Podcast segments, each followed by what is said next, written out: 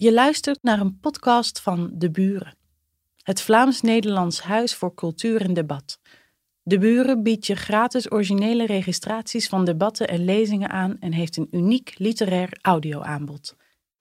Dames en heren, hartelijk welkom bij het Vlaams-Nederlands Huis De Buren, waarvan ik directeur mag zijn. Uh, normaal doe ik niet de, de, verwelkoming, maar voor deze keer uh, wil ik graag een uitzondering maken.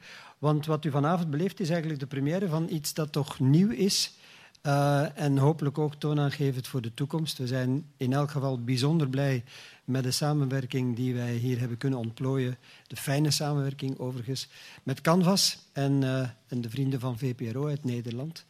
Uh, rond een, een, uniek project, Made in Europe. Hè, was eigenlijk al een fameus boek dat we een tijdje volgden. En dan bleek dat VPRO en Canvas plannen hadden om daar een Vlaams-Nederlandse culturele reeks van te maken. En dan uh, hebben wij meteen contact opgenomen en er was ook gelijk grote bereidheid aan de Rijerslaan om samen te werken met ons. Het idee is eigenlijk dat wij uh, elkaar grote autonomie geven, maar trachten rond een paar thema's verrijkend samen te werken. In die zin dat wij bij wijze van spreken willen beginnen met deze avond waar het programma ophoudt. Dus wat u vanavond krijgt is niet een, uh, een, een uh, dunne doorslag of een doorslag te koer van de uitzending die u daarnet of zondag gezien heeft. Maar bouwt eigenlijk verder op de spirit. En uh, vanavond hebben we er één een uh, icoon uitgenomen, zoals we dat ook de volgende weken zullen doen. En deze avond is dat Socrates. U krijgt in de beste Griekse traditie krijgt u vanavond drie Socratische gesprekken die gevoerd zullen worden door Bert Bultink, hoofdredacteur van de KNAK, met uh, de namen die u daar ziet, Tineke Beekman, Marijn Oudenamsen en uh, Dick Pels.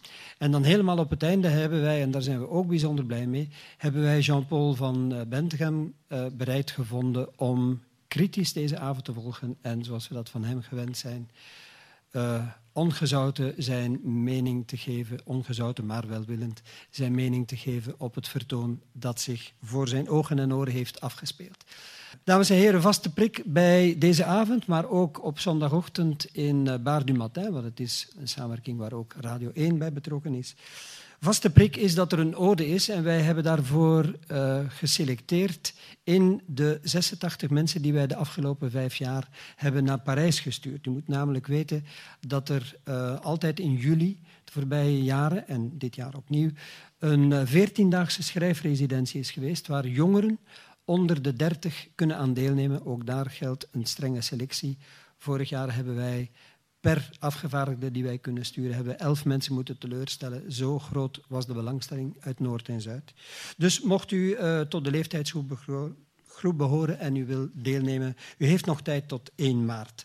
Maar uh, afgelopen jaren waren dus een aantal mensen, namen een aantal mensen deel aan die uh, schrijfresidentie. Een van hen was Floris Solleveld. Wij hebben hem gevraagd om vanavond een ode te brengen aan Socrates. En zoals gezegd, u kunt die ode ook al horen uh, elke zondag in Bar du Matin. Maar nu graag het woord aan Floris.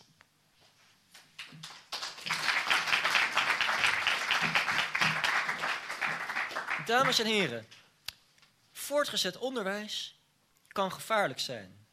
Zowel voor de mensen die het geven als voor de mensen die het ontvangen. Dat is één van de dingen die we kunnen leren van de uitvinders ervan. Want de filosofen op, op Raphaëls school van Athene, u weet wel, hè, in Rome, um, dat zijn feitelijk dat, de eerste voortgezet onderwijsdirecteuren. Plato en Aristoteles runnen gewoon letterlijk hun academie en hun lyceum op het gymnasium. Nou, maar voordat er sofisten op het gymnasium en op de agora rondhangen om lessen in burgerschap en welsprekendheid te geven, is het lesprogramma voor goede Atheense telg eigenlijk best overzichtelijk.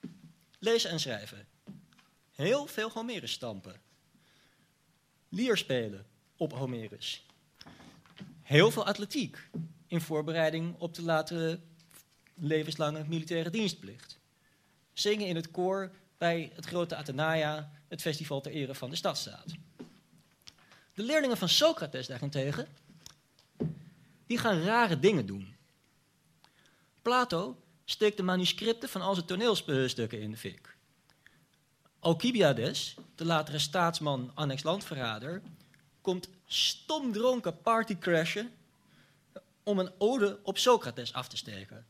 Een ode die meer lijkt op een klaagzang. Socrates is ontzettend lelijk. Hij drijft overal de spot mee. En hij is niet te versieren, wat je ook probeert. Maar dat brein van hem, daar word je wild van. Critias, ook een leerling van Socrates, begint een Robespierre-achtig schrikbewind waarbij 1500 Atheners ter dood worden gebracht. Het curieus is dat Socrates eigenlijk niks lijkt op te hebben met nieuwlichterij. Een schooltje voor de wiskunde, zoals in Theaetetus, oké. Maar de sofisten, dat vindt hij maar hete luchtverkopers. En juist als in Griekenland de boekproductie op gang komt, vertikt hij het om zijn idee op schrift te zetten. Hij is eigenlijk de enige die dat, de eerste die dat manifest kan vertikken. Stelliger nog, als zijn medeburgers hem uiteindelijk voor het gerecht slepen wegens jeugdbederf en ketterij, laat hij zich doodleuk de gifbeker met dolle kervel voortzetten uit eerbied voor de Atheense wetten. Je zou Socrates kunnen zien als een mengeling van een gekke professor en een heilige. Als zelfbenoemd geestelijk vroedvrouw probeert hij bij iedereen de verborgen deugd annex waarheid, dat is voor Socrates hetzelfde, eruit te trekken, maar laat met een demonisch genoegen al zijn gesprekspartners in verwarring achter. Met geaffecteerde nederigheid verklaart hij zich onverschillig voor geld en macht, maar ligt wel met de Atheense elite te causeren bij literaire prijsuitreikingen. Bij alles beroept hij zich op zijn eigen daimonon, een soort bewaarengel annex superego, zelfs als hij terecht staat voor het aanbidden van vreemde goden. Aristophanes voert een bijleven in de wolken op als een spiritueel ondernemer die een denkerij drijft. En trouwens noemt hem daar ook sofist. Die denkerij krijgt pas na Socrates doodgestalte als Isocrates, Plato en later Aristoteles hun leslokalen naast de atletieklaan bouwen. Maar door op dezelfde plek te blijven en door zijn methode van heen en weer vragen en hypothese formuleren, legt Socrates onbedoeld wel de basis voor de Atheense kenniseconomie. Een businessmodel waar het zojuist ingestorte imperium nog een paar eeuwen mee door kan. En wat moeten we daar nu nog mee? Voor de goede orde, er loopt geen rechte lijn van Socrates naar het Bologna-proces. De universiteit is een middeleeuws vehikel, net zoals representatieve democratie meer te maken heeft met middeleeuwse stadsbesturen, laat-middeleeuwse parlementen en de herontdekking van Romeins recht. Maar, twee dingen. Ten eerste is het belangrijk om te bedenken dat kennisideaal van Socrates en navolgers een gepersonaliseerd kennisideaal is. Kennis is niet iets abstracts, het heeft een drager. Ideas have agents. En dat blijft eigenlijk gewoon de hele oudheid zo en verandert pas in de vroege middeleeuwen. Cassiodorus, die min of meer de kloosters als kenniscentra heeft uitgevonden, schrijft ergens in de 6e eeuw na: Nu moeten boeken jullie leraren zijn. En tegelijk is het nog altijd zo dat wetenschap beoefenen ook een proces is van socialisatie, van zinnig kunnen meepraten over een onderwerp. Goed, en het tweede punt. Misschien kunnen we wel iets met het idee van hoger onderwijs als hoger jeugdbederf. Een soort van kattenkwaad dat de gedachte sappig houdt. Want kennis moet wel verleidelijk blijven. Dank u zeer.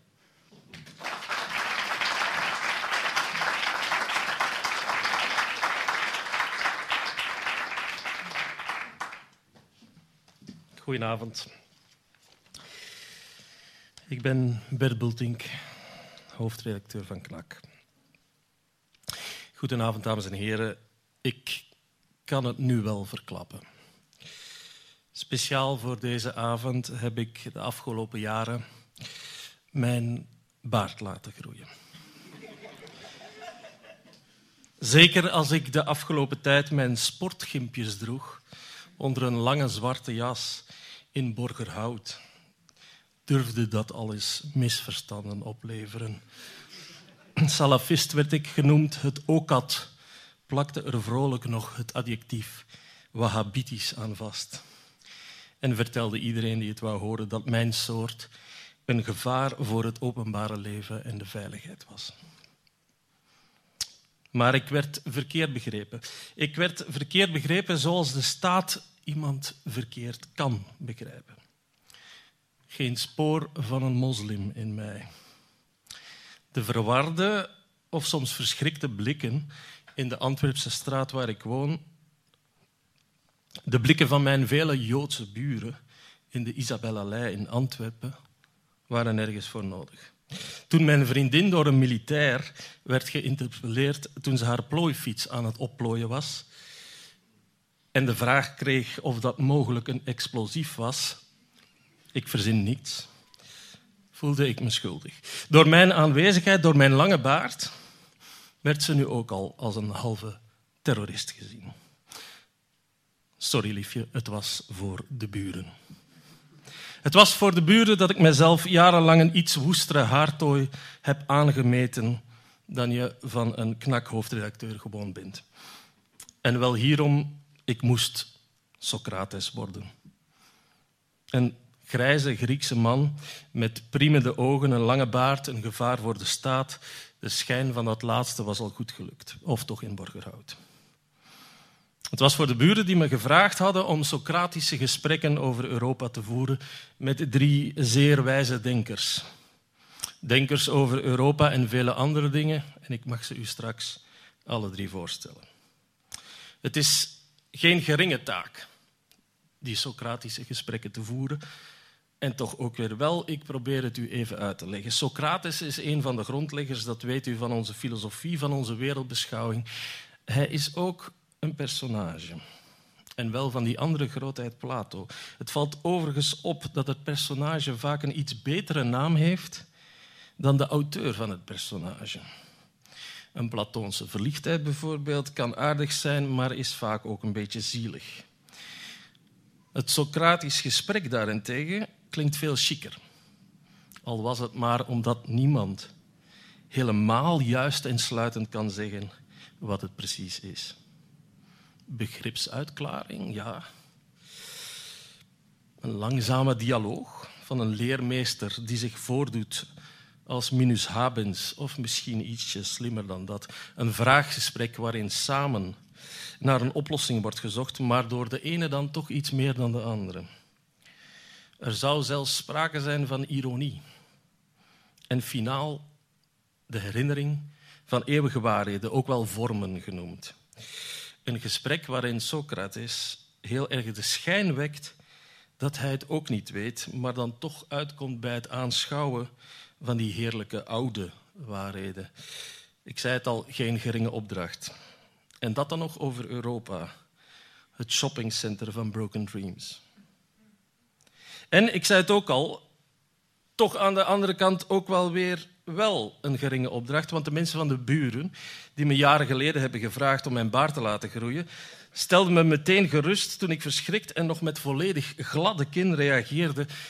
Ik ben toch Socrates niet, ik ken die goede oude waarheden toch helemaal niet. Nee, zeiden ze, want ze wisten maar al te goed welk vlees ze in de kuip hadden. Jij kent die niet. Maar dat is niet erg. Je moet gewoon steeds opnieuw dezelfde vraag stellen, vroeg ik nog. Waarom keert de burger zich van Europa af? Als maar dezelfde vraag stellen, vroeg ik nog eens, ongelovig. Ja, dat was de opdracht. Was de journalistiek maar zo makkelijk als Socrates spelen, bedacht ik. Dit was veel makkelijker dan een interview, waar je tegelijk verondersteld wordt alles te weten over een dossier en toch tegelijkertijd alleen maar nieuwe dingen hoopt te vernemen. En zo zit ik hier vanavond voor maar liefst een driedubbel Socratisch vraaggesprek. Een opdracht die, zoals gezegd, tegelijk makkelijk en onmogelijk is. Een beetje zoals Europa dus. Gemakkelijk en tegelijkertijd onmogelijk. Want Europa is een knoeiboel en een godsgeschenk tegelijk. Europa is gemakkelijk, laten we daarmee beginnen. Europa is gemakkelijk, misschien wel te gemakkelijk, als in wat voor onze generatie onze generatie die Hitler alleen van canvas kent, altijd al voorhanden was. Eenvoudig, zonder enige moeite, of toch zeker de jongste decennia. Vrij verkeer van personen en zeker ook van goederen, een eenheidsmunt, een Europese hymne zelfs en heel veel vroeger al het Eurosongfestival. maar vooral de vrede. De vrede tussen twee aardsrivalen die in de 20e eeuw alleen al twee keer Europa tot een heus slagveld hebben gemaakt. Europa is te gemakkelijk. We zijn die vrede als iets vanzelfsprekends gaan beschouwen. In een recordtempo zijn we vergeten van onder welk puin de vrouw Europa gekropen is. Maar Europa lijkt ondertussen, ik hoef het u amper nog te vertellen, ook onmogelijk te zijn geworden. Inspirerende gebeurtenissen als de Duitse austeriteit, de crisis in Griekenland, de vluchtelingencrisis, veel woorden met crisis, en zouteloze praatjes uit Brussel hebben Europa de jongste jaren zelfs een slechte naam gegeven. Vooral de bureaucratie dan. En de socio-economische krachten die vooral Noord en Zuid en later in tweede instantie, vooral de laatste jaren, ook Oost en West in toenemende mate uit elkaar gespeeld hebben. Eurosceptische partijen zijn alleen maar groter geworden, met UKIP in Groot-Brittannië als het meest in het oog springende voorbeeld, omdat zij zoals u weet, zelfs van plan zijn om uit de Europese Unie te stappen. Maar ook Le Pen, Wilders, Geen Pijl of het Duitse AFD zijn alsmaar kritischer voor Europa. Om over Viktor Orbáns houding in Hongarije maar te zwijgen. Dat alles heeft er vanavond toe geleid dat de vraag, de Socratische vraag is, waarom keert de burger zich van Europa af? Die vraag gaat uit van een veronderstelling dat is niet meteen Socratisch, maar dat laten we terzijde.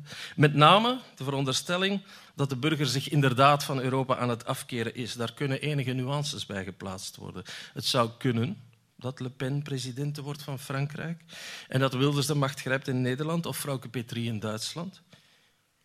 Maar zeker is dat toch niet. Het is vandaag misschien, als we zouden moeten gokken, en we weten hoe gevaarlijk dat is met peilingen, maar als we het zouden moeten doen, zouden we mogelijk zeggen dat het eerder onwaarschijnlijk is. Het zou zelfs even goed kunnen dat we straks met president Macron zitten en bondskanselier Schulz, een overtuigde Franse eurofiel en nog sterker, een voormalig Europees parlementsvoorzitter in Duitsland. Maar dat zijn tegelijkertijd toch maar nuances bij een vooronderstelling die verder grotendeels overeind blijft. Het staat vast dat Europa het bepaald lastig heeft. De nasleep van de bankencrisis, de eurocrisis, de brexit, de vluchtelingencrisis en de opkomst van het populisme. Het is niet weinig allemaal bij elkaar opgeteld. Gelukkig is Socrates er nog. Of beter, hij is er niet of zo weinig mogelijk. Een bijna onzichtbare interviewer, schijnbescheiden, behalve in het aanstippen van steeds weer dezelfde vraag. Waarom keert de Europeaan zich van Europa af? What's not to like? Waarom is de liefde bekoeld voor dit meest nobele project? Of is die koelte slechts tijdelijk en komt de verliefdheid eens zo fel terug? Zoals een baard alleen maar harder gaat groeien nadat hij gekortwiekt is. Ik stel de vraag vanavond, opnieuw en opnieuw en opnieuw, aan Dick Pels, Marijn Oudenamsen en Tineke Beekman.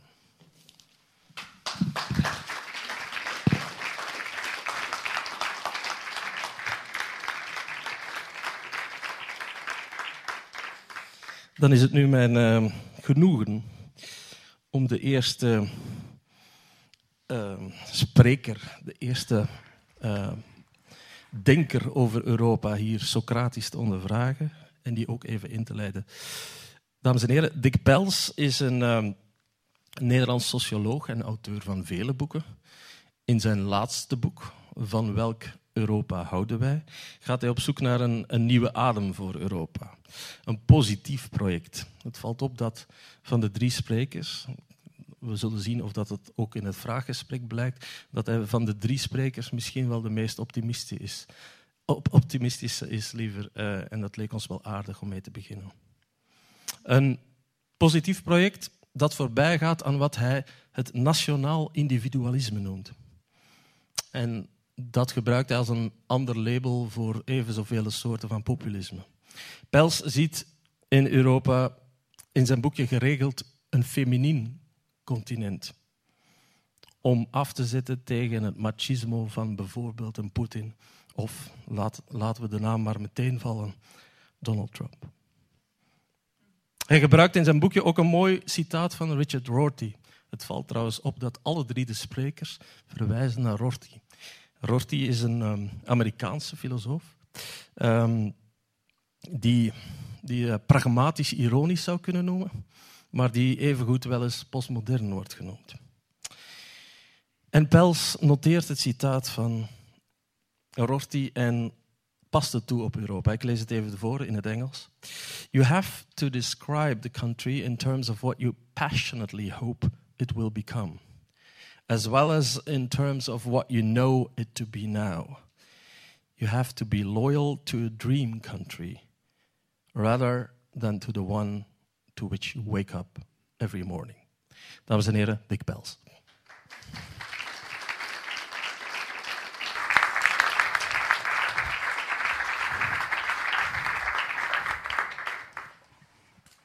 Goedenavond, meneer Bels. Goedenavond. Verrassende openingsvraag. Waarom keert de Europeaan Europa de rug toe? Ja, er zijn heel veel uh, verschillende redenen voor. Uh, natuurlijk, dus het wordt een heel verhaal, denk ik. Uh, ten eerste is Europa het doorgeefluik van een neoliberale bezuinigingspolitiek uh, gebleken. Er is veel meer, Europa is veel meer dan dat, dus ik wil het niet afdoen met dat verhaal. Maar het is wel een heel belangrijk element dat, dat Brussel, dus, dat Brussel wordt gezien als als een, een serie in instituties die dat neoliberale bezuinigingsbeleid gewoon hebben vormgegeven en doorgegeven, als het ware, naar de nationale staten toe. Um, en dan uh, ja, krijgt Europa natuurlijk uh, gemakkelijk de schuld als er een soort van algemeen verzet is tegen de effecten van die um, neoliberale globalisering. En de opkomst van het populisme is minstens voor een deel daaraan te, te, danken of te wijten. Hè. Het verzet, en, en ik denk dat dat verzet terecht is, of die rebellie, hè, over rebellie vanavond, dat dat een terecht onbehagen is, of een terechte angst, vrees voor uh, de feitelijke gevolgen die mensen ervaren van, van die neoliberale globalisering. Wordt die bezuinigingspolitiek um, terecht op Brussel als pars pro toto voor, voor de Europese Unie geprojecteerd volgens u? Nee, nou laat maar voor het gemak zeggen voor de helft. Uh, omdat de nationale staten natuurlijk dat zelf dat bezuinigingsbeleid voeren. Duitsland voorop, Nederland zeg maar nummer twee. En ga zo maar door. Uh, en die hebben dan de neiging om naar Brussel te gaan en te zeggen van het moet van Brussel, hè, ze terugkomen. En ze hebben hun eigen beleid daar neergelegd en afgesproken met die andere politieke leiders. Dus het is een, ook wel een, soort ja, opportunistisch spel van we geven Brussel de schuld. Eh, als wij de schuld krijgen in ons eigen land.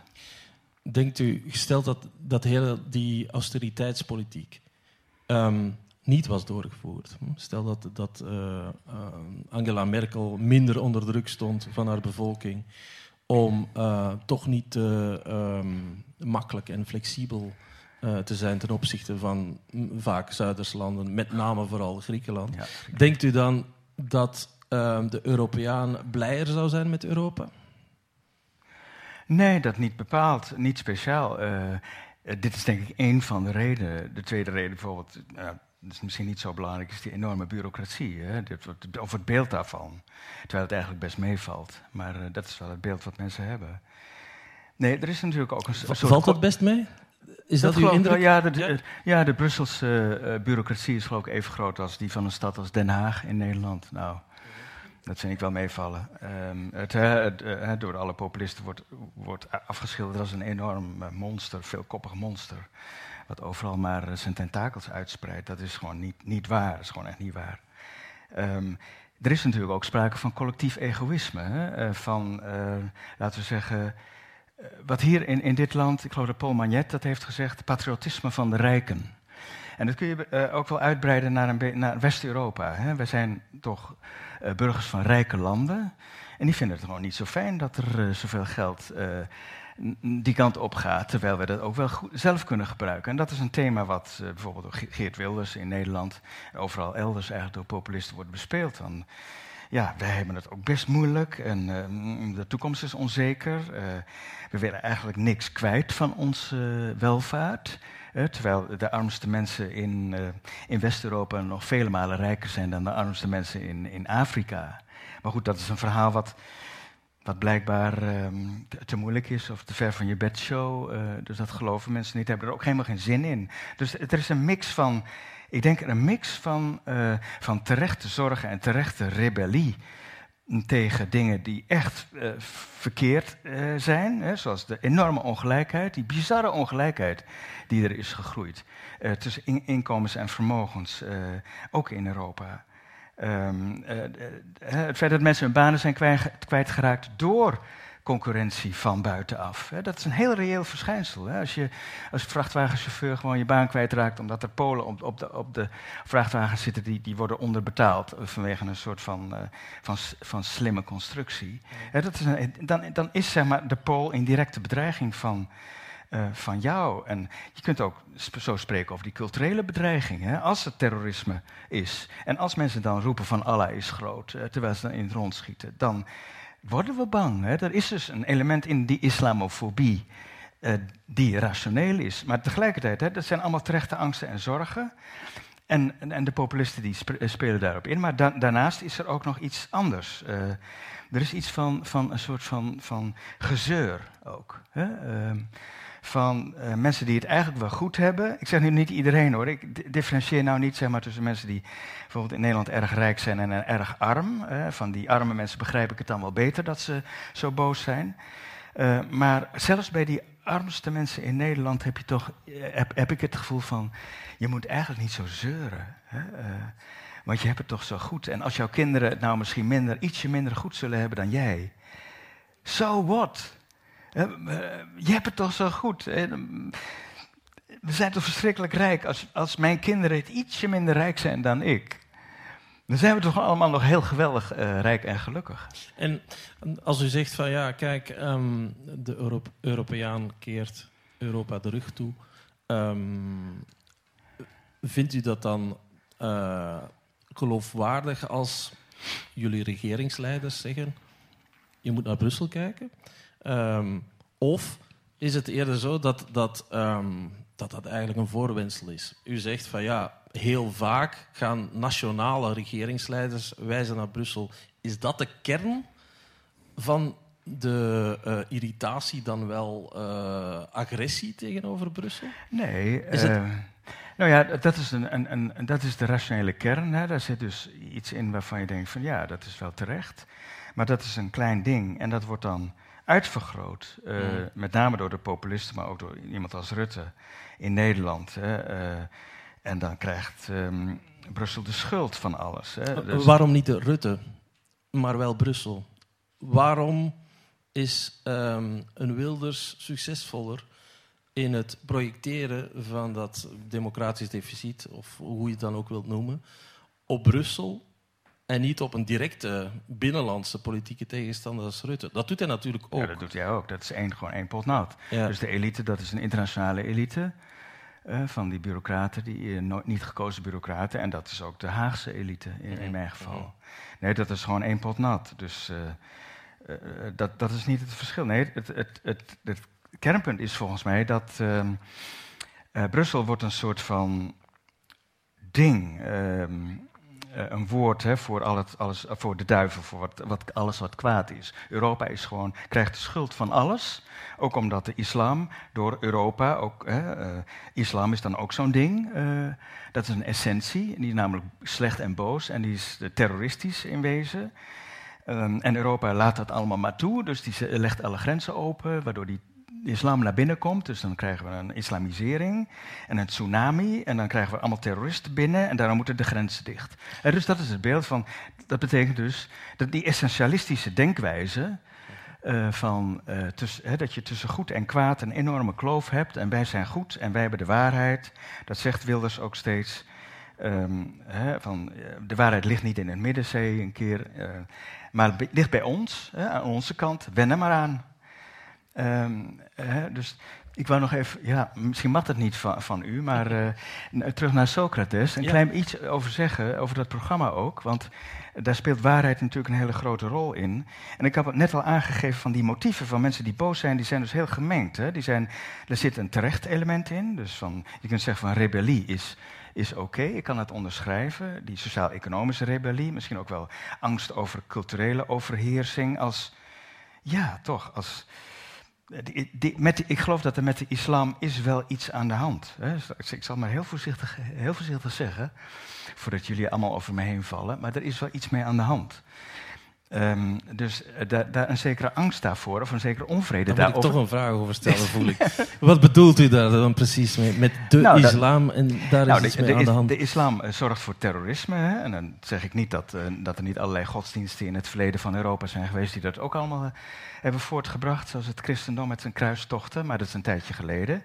Maar een heel groot aan- aantal, laten we zeggen 60, 70 procent van orthodoxe moslims vindt dat wel oké. of zegt daar niets, niets eh, kritisch over. Hè? En dat is een behoorlijk percentage en dat baart mij wel zorgen. En er is nu de derde generatie is aan de gang. Misschien kost het vier generaties om mensen echt in dat burgerschap eh, eh, op te voeden wat nodig is. En dat is dus vrij lang. Dus ik, ik begrijp wel dat, dat mensen zeggen van ja, de islam, daar is wel wat mee. Dat denk ik, denk ik ook, ja. Daar Is, is, is de aanwezigheid van de islam in Europa, de groeiende aanwezigheid van de islam in Europa, is dat de reden waarom de Europeaan Europa de rug toekeert? Dat is nog een reden, ja. ja ik heb er nu, nu hebben we de drie. Zonder islam in Europa zou Europa consistenter zijn. Dat denk ik zeker, ja. ja, ja. Het is in ieder geval de grootste geweldsbedreiging op dit moment, eh, intern dan, hè, in onze hoofdsteden. Jullie weten dat die in Brussel beter dan wij in Amsterdam, maar dat kan, dat kan in Amsterdam ook gebeuren. Eh, en dat is heel acuut, dat is gewoon, en daar moet iedereen bang voor zijn, hè, eh, vind ik. Niet, heel, niet te bang hoor, dat we nu allemaal, allemaal verschrikkelijke maatregelen gaan nemen of zo. eh, maar we moeten, dat, daar- we moeten enorm oplettend zijn, want ze zijn onder ons, ze zijn dichtbij. En daar, daarnaast zijn er nog heel veel andere dingen. Het is, als je het over Europa hebt, nu ineens zo dat, eh, dat Europa is, is ineens heel klein tussen hele grote boze reuzen overal. Die Europa bedreigen in haar ziel. Ik zal het maar even gewoon eh, filosofisch essentialistisch zeggen, want ehm, de ziel van Europa wordt bedreigd door, eh, niet alleen door de terroristen, maar door ook andere vormen van geweld. En als je, zoals ik dat probeer uit te leggen in mijn boekje, eh, de Europese beschaving ziet als een poging om het geweld zoveel mogelijk uit de samenleving terug te dringen, naar de marges terug te dringen. Hè, in, het, in het voetspoor van eh, die oude kreet van Never Again War, of eh Nie wieder Krieg. Hè, waar- waarvan ze tegenwoordig zeggen van jonge mensen zijn er niet meer geïnteresseerd, want die, het is allemaal zo lang geleden en het is al, zo lang vrede. Ehm, en wij willen eigenlijk banen en, en een goed leven en, en dat nooit meer oorlog. Ach ja, dat was van, van toen, opa. Eh, nou, mooi niet, want het geweld is ineens terug. Met het, met het terrorisme, eh, maar dat hadden we natuurlijk ook al een beetje. Maar nu met echte oorlogsdreigingen. In de Oekraïne, Poetin. Wie weet wat, wat Trump allemaal gaat doen. Erdogan in Turkije. Het is hetzelfde. Ik heb zo'n zo'n beeld van, eh, misschien onterecht hoor, maar een soort van convergentie van, van gevaren en ook ge- personages. Eh, want het zijn allemaal enorme macho's die vrouwen minachten. ehm, terwijl ik juist denk dat, zoals je eerder zei, Europa juist een, een, zekere feminine cultuur heeft. Van, nou ja, en dat idee van zoveel mogelijk geweld verwijderen uit de samenleving. Hè. Heel moeilijk natuurlijk, en er is ontzettend veel geweld nog. Maar laten we dat in ieder geval proberen. Dat is een opdracht en dat, is, dat is ook, kun je ook koppelen aan een zekere eh, feminisering. en daarom is natuurlijk, in het, ik denk nu even aan het programma terug, eh, was Poetin zo wit heet over Pussy Riot. Dat is niet voor niets. En eh, Trump heeft ook zijn Pussy-probleem, zou ik maar zeggen. ja. Femininisering. eh, de- de- bent u daar ehm, zomaar van overtuigd als ik, als ik denk aan het hart van Europa, met name Duitsland? Nou ja, Het zou kunnen dat bepaalde mensen daar geen feminine associaties mee hebben. Laat ik het voorzichtig He- uitdrukken. nou, heel plat. eh, het is niet toevallig dat Angela Merkel eh, met de vluchtelingencrisis. Nee, nee, eerst was het met Poetin eigenlijk en met de Oekraïne, oorlog en Oekra- oorlogs, de hybride oorlog in Oekraïne, werd Merkel eigenlijk de tegenpool van Poetin. En daarna werd ze de tegenpool van Orbán in de vluchtelingencrisis. En daarna werd ze de tegenpool van Trump. En het is een vrouw natuurlijk. Hè, maar je moet, dus feminisering bedoel ik niet, dat, dat moet je niet op een lichaam plakken per se. Uh, dus zo werkt gender niet. Maar de, de, politiek van gender is wel heel belangrijk en is in het hart van, uh, staat in het hart van de problemen waar we vind ik, waar mijn Europa tegenaan loopt. Uh, Zit er geen contradictie in wat u zegt? Want aan de ene kant zegt u, de kern van Europa is het feminine, het, het, het vrouwelijke. Aan de andere kant zegt u, ja, dat Europa wordt net bedreigd of in een crisis gebracht door het feit dat er eigenlijk geen goede verdediging is aan de buitengrenzen. Ja. En dat lijkt mij per definitie iets niet zo feminien te zijn nee. in de associaties die daar nee, normaal gezien aan toegekend worden. Ja, dat is ook een enorm dilemma en daar komen we ook niet uit, volgens mij. En dat is het dilemma van de democratie.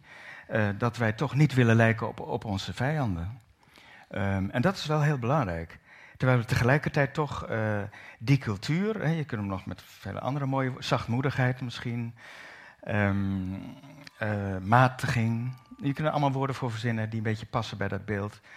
Uh, van wat het hart van de Europese cultuur is. Uh, individualisme ten opzichte van het collectieve nationalisme en zo. Uh, maar het probleem is, hoe worden we sterk genoeg met die zachtheid, om die zachtheid te kunnen verdedigen tegen die keiharde hardheid. Waar we nu mee worden geconfronteerd. Bent u voorstander van het, het idee dat onder meer door uh, de Belgische politicus Guy Verhofstadt wordt gepropageerd, de, de, voorzitter van de liberale fractie en het Europees Parlement, om een uh, defensie-unie of uh, zelfs een heus Euro Europees leger op te richten? Ja, daar ben ik een voorstander van, zeker. Ja. Waarom? Um, omdat nou, je moet het, die verdediging van de grenzen moet je professionaliseren.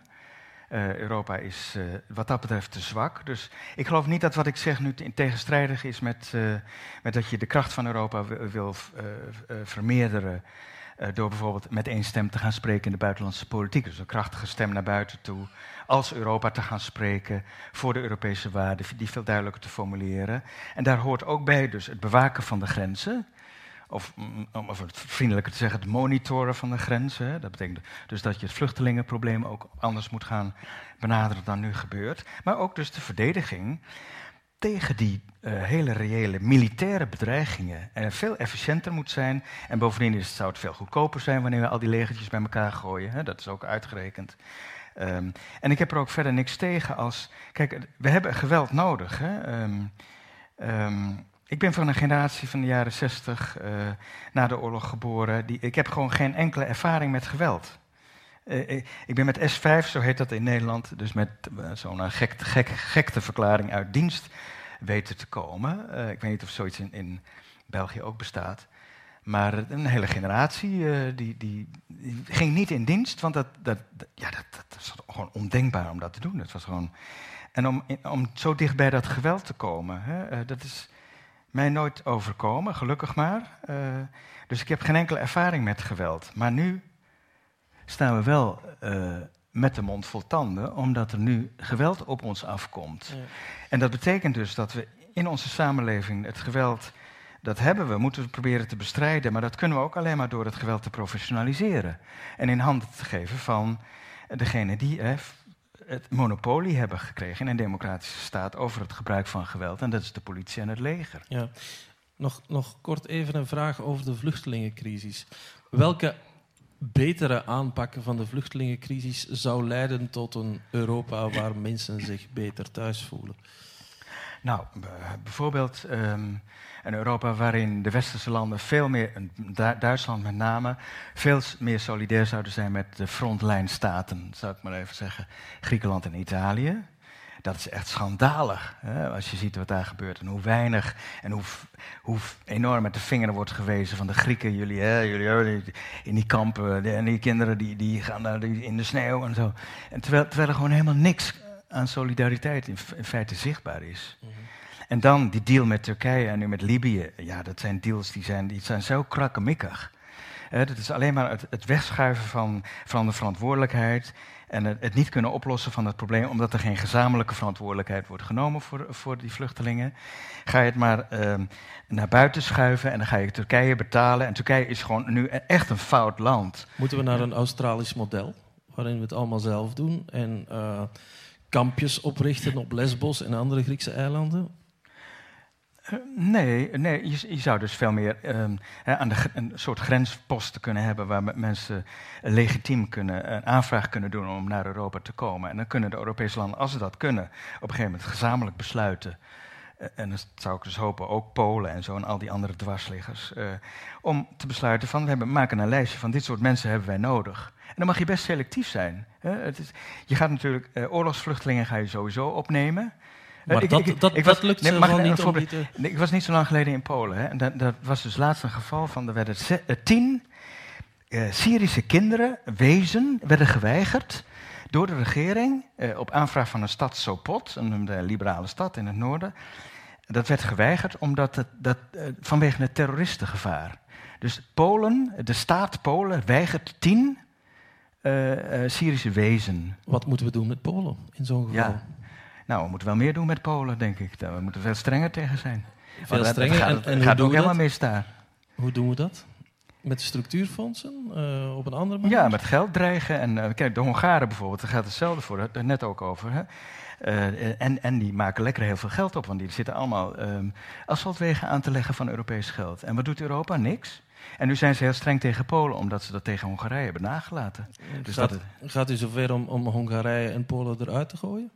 Nou, het is wel zo dat die landen nu niet meer voldoen aan de Kopenhagen-criteria. Dat, is toch, dat is heel ernstig. Dus ze zouden nu niet meer worden toegelaten. Dat is eigenlijk heel ernstig als je beseft wat dat betekent. Maar geeft u eens antwoord op de vraag: als zij zich niet aanpassen, moeten ze dan vertrekken? Ja, ja, ja, ja, oh ja, dat is wel een leuke variant. Je brexit en dan heb je ook nog een schop naar buiten toe. Hoe zou je dat noemen? Uh, uh, ja, heeft iemand daar een leuke naam voor? Van, dat je een land eruit gooit. Dat is ook ja, wat er niet uit wil. Moeten we Europa verkleinen om het te redden? Nou, ik denk dat, dat, ik denk dat het wel op neerkomt uiteindelijk. Ja, ja. Dat als Polen en, en Hongarije dit blijven doen, en dat blijven ze nog een tijdje doen, omdat ze ook hun kiesstelsels natuurlijk lekker kunnen aanpassen, uh, dan, um, dan zitten we met de gebakken peren. En dan kunnen, kunnen die problemen niet worden opgelost. Geen van die grensoverschrijdende problemen. En, en dan is het afhankelijk van de verkiezingen van dit jaar natuurlijk uh, wat er gebeurt.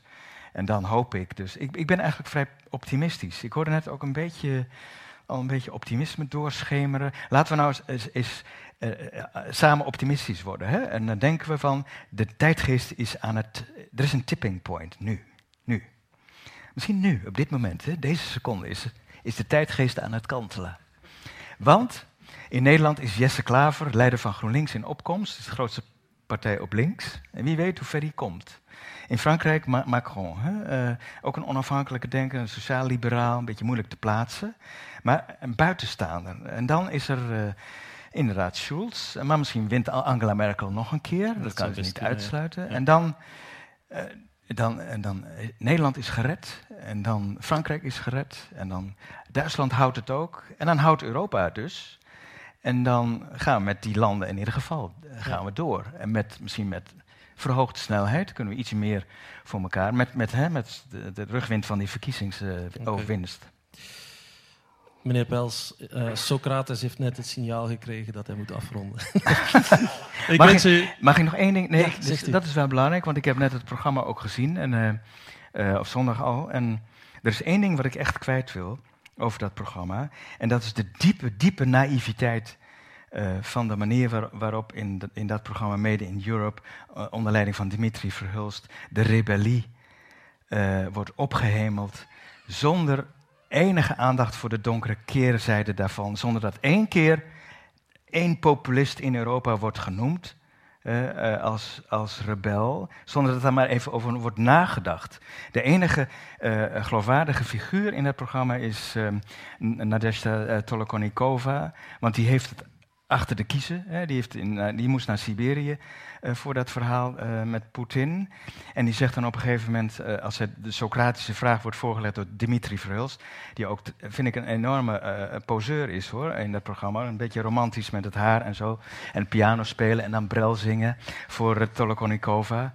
Ehm, er is iets in het programma wat me enorm eh, heeft geërgerd. Um, Anatoly Konnikova die zegt, hij vraagt aan haar van, zou jij dan willen sterven voor je idealen?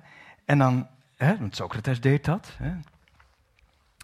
En, en, dan zegt zij, uh, nou, ik weet het eigenlijk niet. Um, geen idee op, op dit moment. Uh, misschien wel. Maar, en als dat, als, het, als dat gebeurt, dan, dan zul je er ongetwijfeld over horen. Zoiets zet ze dan. Het enige goede antwoord. Hè? Geen romantisch antwoord. Met zelfkennis. Met, met een zekere relativering. En dat programma, dat, dat, eh, in dat programma ontbrak dat totaal. Dat vond ik wel jammer. De relativering van de donkere kanten van die. De rancuneuze kantjes van Socrates. Pas op voor Socrates, hè? want het is ook degene die... Eh, Mogelijk niet, waren ze het kantelpunt van het optimisme mijn, al voorbij. Dat is, mijn laat, dat is mijn laatste zin, maar dit, dit is belangrijk. Socrates is ook degene van wat Max Weber noemde.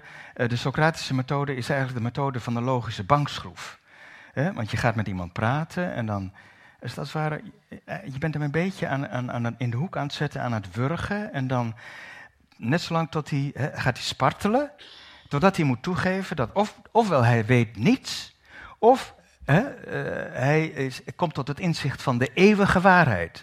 Want het, het, is natuurlijk wat schepping van, van Plato. Eeuwige waarheid. Mag ik dus... opmerken, meneer Pels, dat u goed uit de bankschroef gevloept bent? ik wil u hartelijk danken. okay.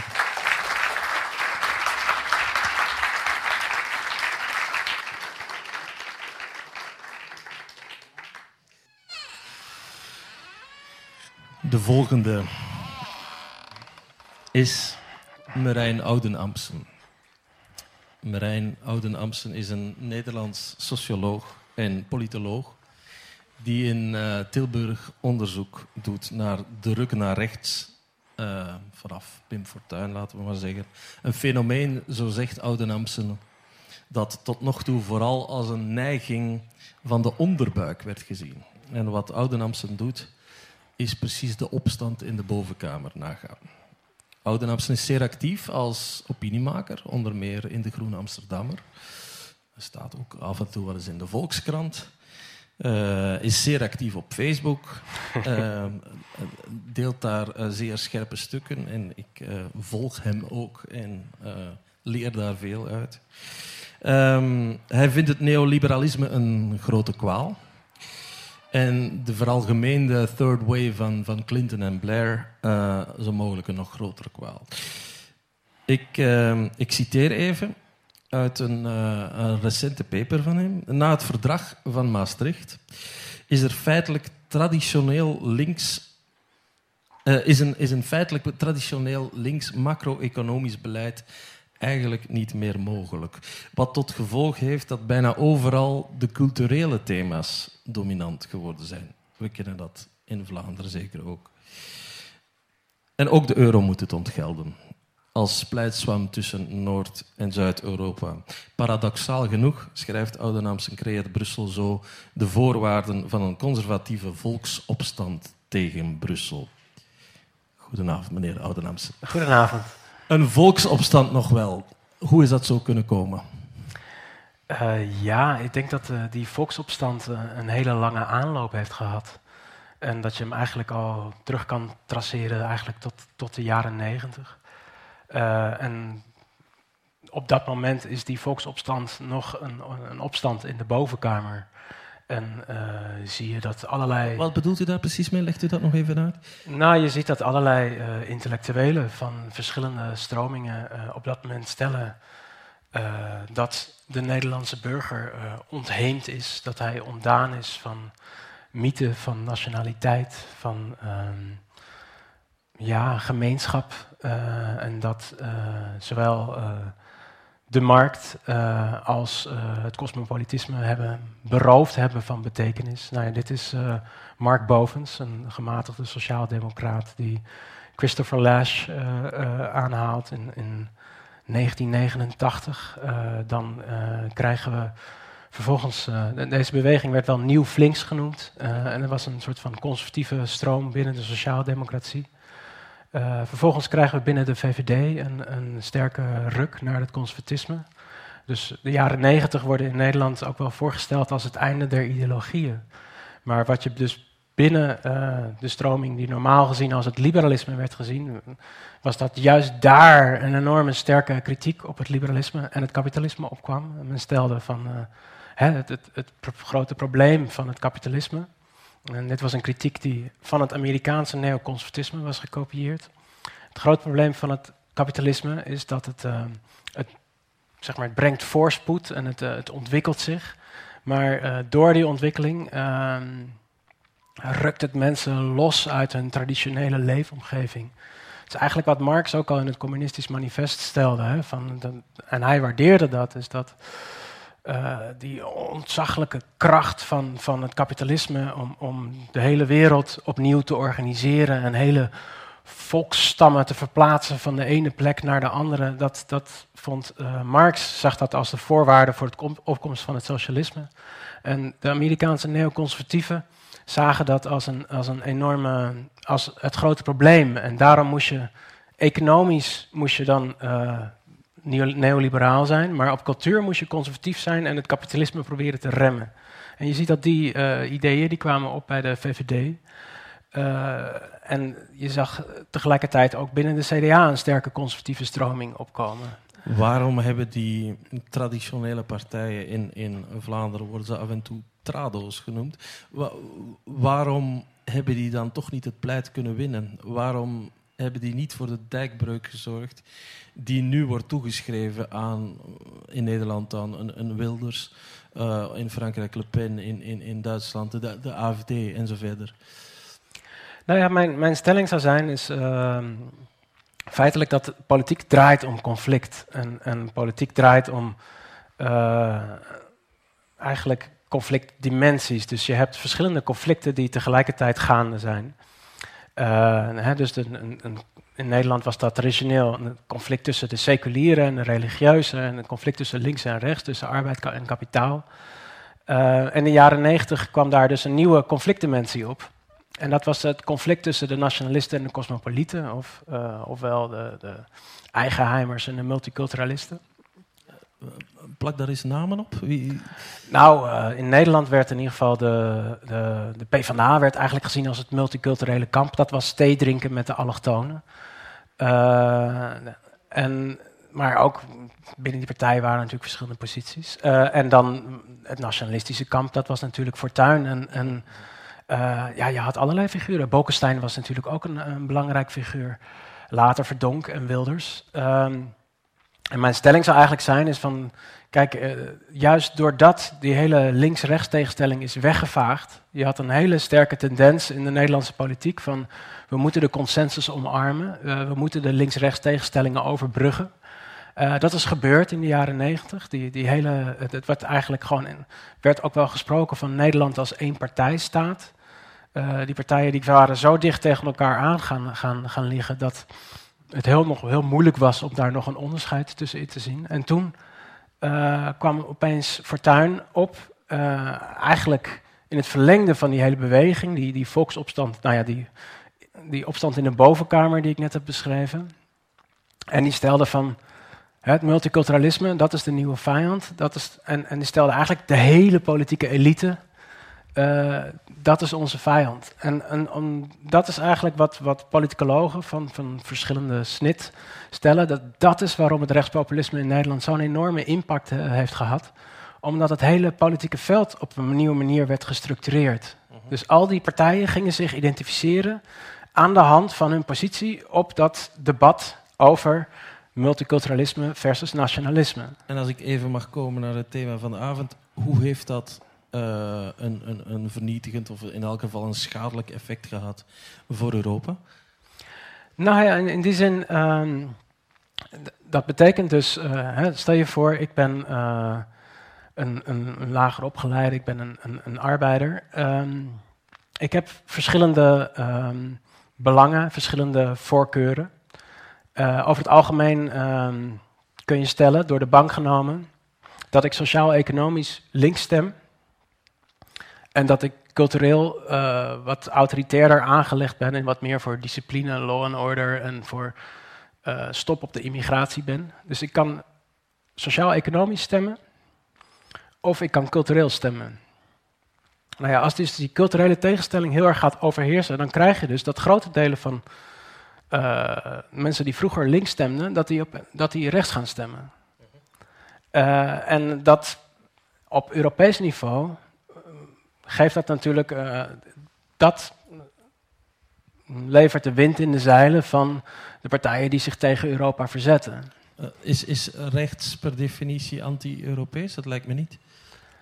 Uh, nou, in, in, in, die zin is dat zeg maar, de, de, de rechtse anti-establishment politiek, waarin zeg maar, lager opgeleide of, of, laten we zeggen de voormalige arbeidersklasse zich in kan vinden, die is overwegend anti-Europees. Ja.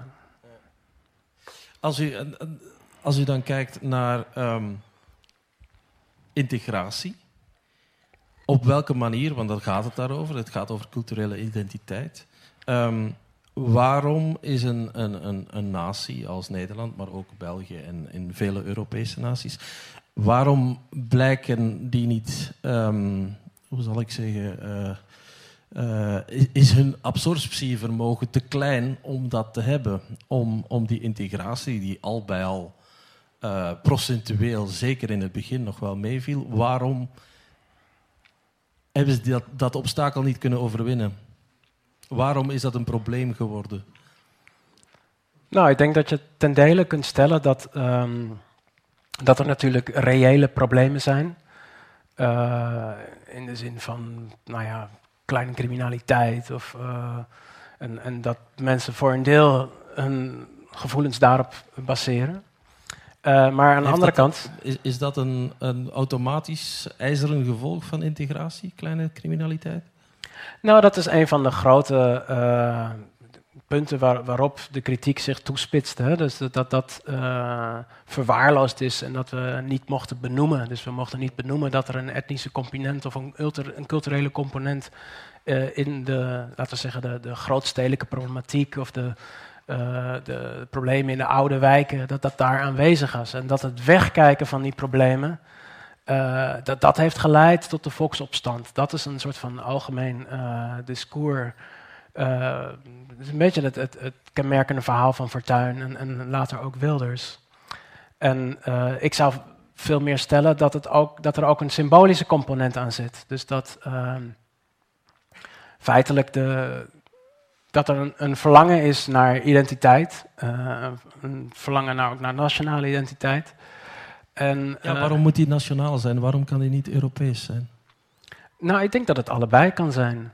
Um, maar waarom is het niet zo? Waarom, als, als, als mensen zich proberen te positioneren op een identitair domein, dan gaan ze toch vooralsnog in Nederland eerder grijpen naar Nederlander dan naar Europeaan. En in Vlaanderen naar Vlaming of Belg eerder dan naar, naar Europeaan. Waarom is dat? Nee, wat heel interessant is, is wat je dus ziet in de jaren uh, eh, 60 en 70, is dat er een vorm van uh, nationale trots ontstaat in Nederland, die uitgaat van cosmopolitisme. Uh, dus de stelling is eigenlijk van wij als Nederlanders, dit was de Nederland-Gidsland gedachte, wij zijn verheven boven andere volken, omdat wij het beter hebben geregeld, maar ook omdat wij niet eng nationalistisch zijn, maar dat omdat wij zoveel procent van ons geld aan ontwikkelingshulp besteden, omdat wij ons bezighouden met het oplossen van de wereldproblematiek. Daarom zijn wij zo fantastisch. Dat was Nederlands gidsland. Uh, dus je ziet daar dus dat een, dat een, een, een typisch nationalisme uh, kan samengaan met, met een uh, heel sterk gevoel van, van cosmopolitisme. Eigenlijk zeg je nu, waren jullie voorbestemd om hele goede Europeanen te worden en te blijven. Nou, en, en je ziet dus dat, dat, die, dat type nationale identiteit in Nederland verdacht wordt in de jaren negentig. En dat het als een verraad wordt gepresenteerd. En, en dat er vanaf dat punt eigenlijk een andere visie op nationale identiteit naar voren komt. waarin ook een sterk klasse-element zit. Dus, het, hè, dus er wordt eigenlijk gesteld van die, die identiteit van de jaren 60 en 70, die cosmopolitische identiteit, het was niet alleen progressief, maar het was ook van hoger opgeleiden. dus het gewone volk moest daar nooit iets van hebben.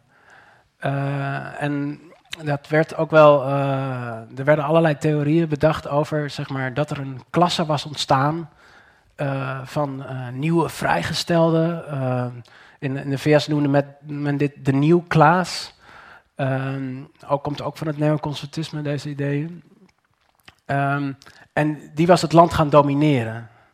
En er moest eigenlijk een soort stellingenoorlog met deze progressieve kasten gevoerd worden, omdat zij uh, lange tijd de dienst uitmaakten, ook in het publieke debat. Dat was zeg maar het geluid wat je in, in de jaren negentig ziet opkomen, waarin eigenlijk dus een sterke anti-establishment gevoel gekoppeld werd aan een andere invulling van het Nederlanderschap. Uh, wat veel meer uitging van, nou ja, een, een, ja, een strikter nationalistische visie op, op wat Nederland is. Vindt u dat de, de naties in Europa te verschillend zijn om uh, tot een coherent Europa te komen? Ik, geef een voorbeeld. Uh, de eurocrisis. Um, dan circuleerden de clichés over bijvoorbeeld Griekenland dat uh, kwistig omsprong met geld, dat corrupt was, dat veel fraudeerde. Aan de ene kant. En aan de andere kant het zuinige um, protestantse Duitsland. Um, met een, met een, een heel strenge moraal. Um, de eerste vraag is: is er enige waarheid in die clichés? En ten tweede, als dat zo is, is dat dan een probleem voor Europa? Nou, het, het, grappige is, um, is dat Thomas Piketty, die Franse econoom, die heeft daar ook op gewezen, is dat de Duitsers na de Tweede Wereldoorlog eh, een van de grootste uh, schuldenverlichtingen uh, hebben gekregen uh, in de geschiedenis. dus in die zin veel meer dan, dan de Grieken. Dus in die zin kun je stellen dat die Duitsers juist een enorme schuldcultuur cultuur hadden en, en dat die voor hen is opgelost en dat ze eigenlijk vanuit een, een weinig consistent beeld over hun eigen verleden handelen door zo strikt vast te houden aan de schulden in Griekenland. dus maar die maatregel in na de Tweede Wereldoorlog was een, een, een beetje een tegenreactie tegen Versailles waar Duitsland te zwaar werd bestraft. En dan is er een soort van omgekeerde logica gekomen, toch? Dus ik, ik kan Duitsland eigenlijk niet verwijten dat ze genereuzer behandeld zijn dan vroeger. Zij kunnen nog altijd perfect zeer streng en zuinig omgaan uh, met hun, hun, financiën. Alleen hebben ze het geluk gehad dat hun buren iets uh, coulanter waren dan, dan, dan voorheen, dan een wereldoorlog vroeger. Ja, maar dus in die tijd uh, hè, gaven de Duitsers dus heel erg veel geld uit, ja. wat ze niet hadden. Dus in die zin uh, kun je niet stellen dat er een soort van historische continuïteit is in Duitsland, waarin men als protestantse natie uh, zich hield aan, ja. aan, allerlei begrotingsnormen en zo. Dat is historisch gezien is dat nergens op gebaseerd. Wat je veel meer kunt stellen is um, dat vroeger die zuidelijke economieën, vooral Griekenland, Italië, ook Spanje, Portugal, die devalueerden op het moment dat ze verloren aan productiviteit ten opzichte van Duitsland of Nederland. En dat kunnen ze niet doen onder, onder de euro. Um, en wat je ziet is dat landen als Nederland en Duitsland, wij hebben een, een systeem dat heet het corporatisme, waarin wordt overlegd tussen vakbonden en werkgevers. En waardoor loonmatiging op collectief niveau kan worden afgesproken.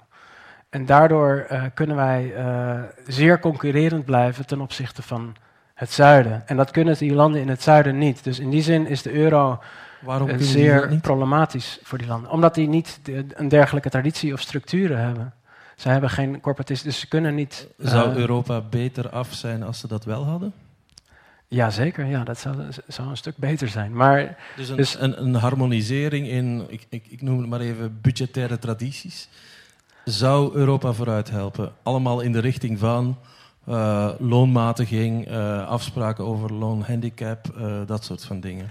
Nou ja, wat je meer ziet is dat er dus een, een, een evenwicht moet komen tussen Noord en Zuid.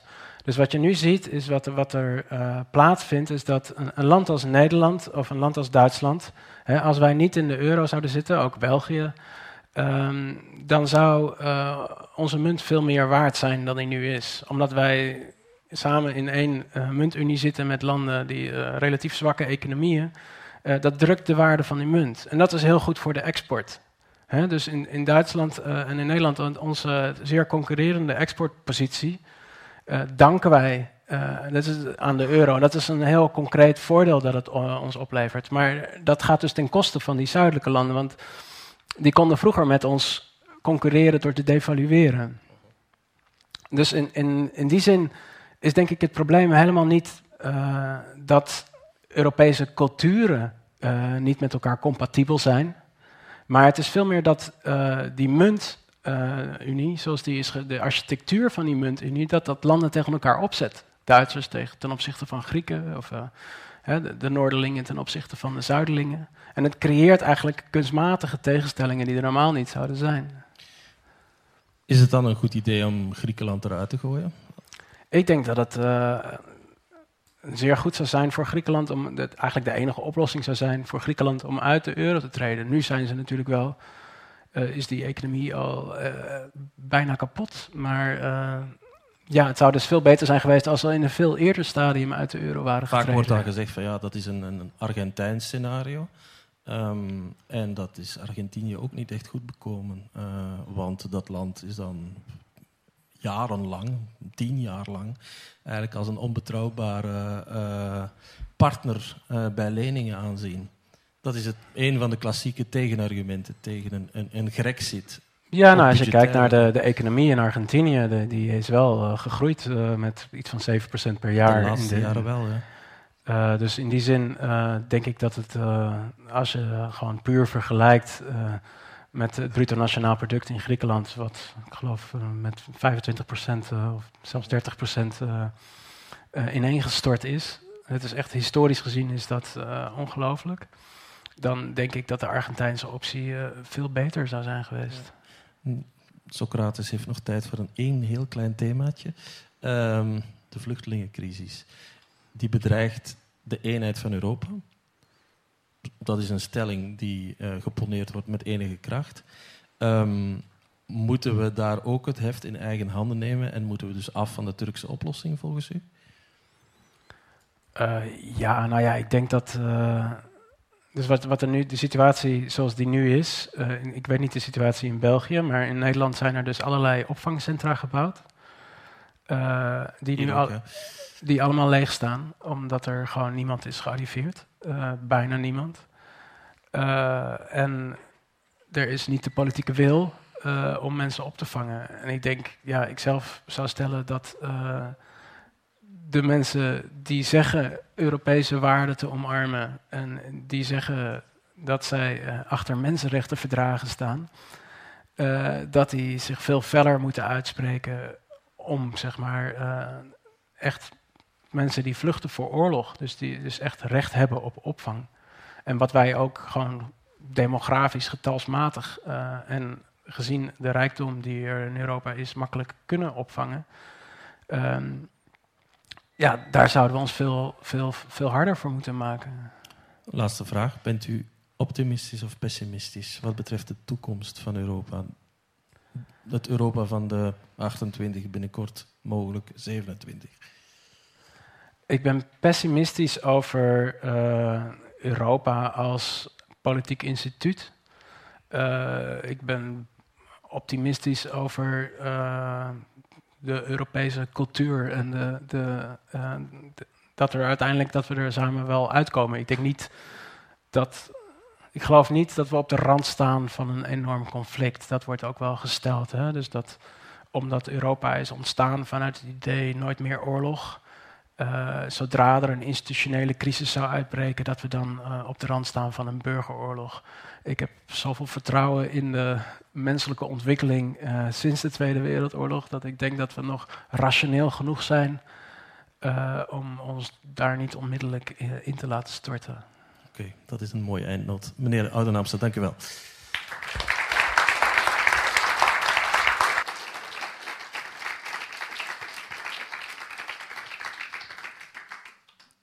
Dan, dames en heren, heb ik het genoegen om u um, de laatste, de derde spreker voor te stellen.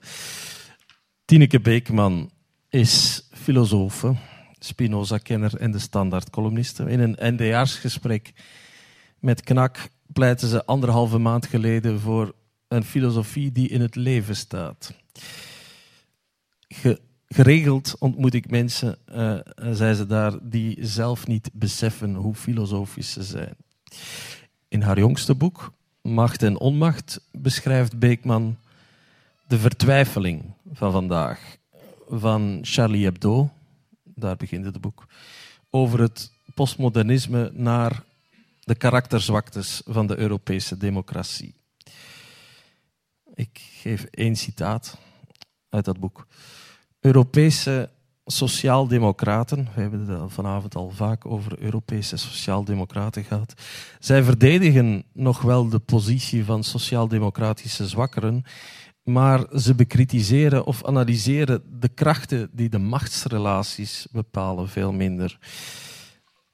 Zit daar misschien ook een reden voor de verminderde aantrekkingskracht van Europa voor haar burgers? Mevrouw Beekman, goedenavond. Goedenavond. Waarom keert de Europeaan Europa de rug toe? Ik denk dat het, om te beginnen wel klopt dat de Europeaan, de Europa, de, ik denk niet dat, enfin, ik denk dat de Europeaan, hoger opgeleide, lager opgeleide, oud en jong, dat heeft ook recent onderzoek uitgewezen, zich inderdaad wel afkeert, maar ik denk niet van Europa, maar wel van dit Europa. En dat is denk ik wel een belangrijk onderscheid. Ik denk dat uh, er tal van redenen zijn waarom ze in de Europese Unie, zoals ze nu bestaat, niet meer een project zien dat nog toelaat om het gevoel te hebben dat je als burgers samen de toekomst vorm kan geven. Ik denk dat dat in een democratie enorm belangrijk is. Een droom ontbreekt? Een droom ontbreekt, een project ontbreekt, maar ik denk vooral dat alternatieven ontbreken. Dus, uh, de, wel, de idee van There is no alternative, die, die befaamde Tina, die toch al een aantal jaren gezegd wordt uh, sinds de crisis. En het sluit ook een beetje aan bij het citaat dat u gegeven heeft. Um, um, ik, ja, ik denk dat mensen altijd wel die, die, die, pluraliteit tussen links en rechts willen. En ik denk dat ook, er zijn verschillende visies op het algemene belang. En als je dan een meer technocratisch bestuur hebt, um, dat zegt ja, er is eigenlijk geen alternatief voor een Europa dat niet echt een fiscaal beleid voert, voor een Europa dat niet echt een sociaal Europa is, voor een Europa uh, dat ook met veiligheid en migratie niet goed weet wat het nu eigenlijk moet, of in elk geval het gevoel geeft dat het overspoeld wordt en dat het niet, niet in controle is, dat, het niet, dat er niet echt een beleid is dat wordt uitgestippeld. Of ook wanneer, er zijn ook andere thema's, denk ik, waar de Europese Unie wel veel zou kunnen betekenen, maar helaas veel te weinig doet. En waarom is dat? Waarom doet ze dat niet? Wel omdat de Europese Unie een economische unie is, ook een muntunie is. En dat er de idee was dat die andere aspecten van het beleid wel zouden uiteindelijk zich kunnen ontplooien, maar dat is eigenlijk niet gebeurd. Dat heeft ook te maken met die zwaktes binnen die eurozone, die ervoor gezorgd hebben dat er uh, al sinds een aantal jaren dat we meer van de ene crisis naar de andere gaan, hè, naar, uh, van Griekenland, maar ook uh, er zijn ook andere crisissen. En ik denk dat de Europese Unie een aantrekkelijke unie is voor iedereen die zich makkelijk kan bewegen. En dat is dan meestal dat zijn bedrijven of uh, kapitaalkrachtigen die heel veel hebben aan die uh, regels die er nu zijn.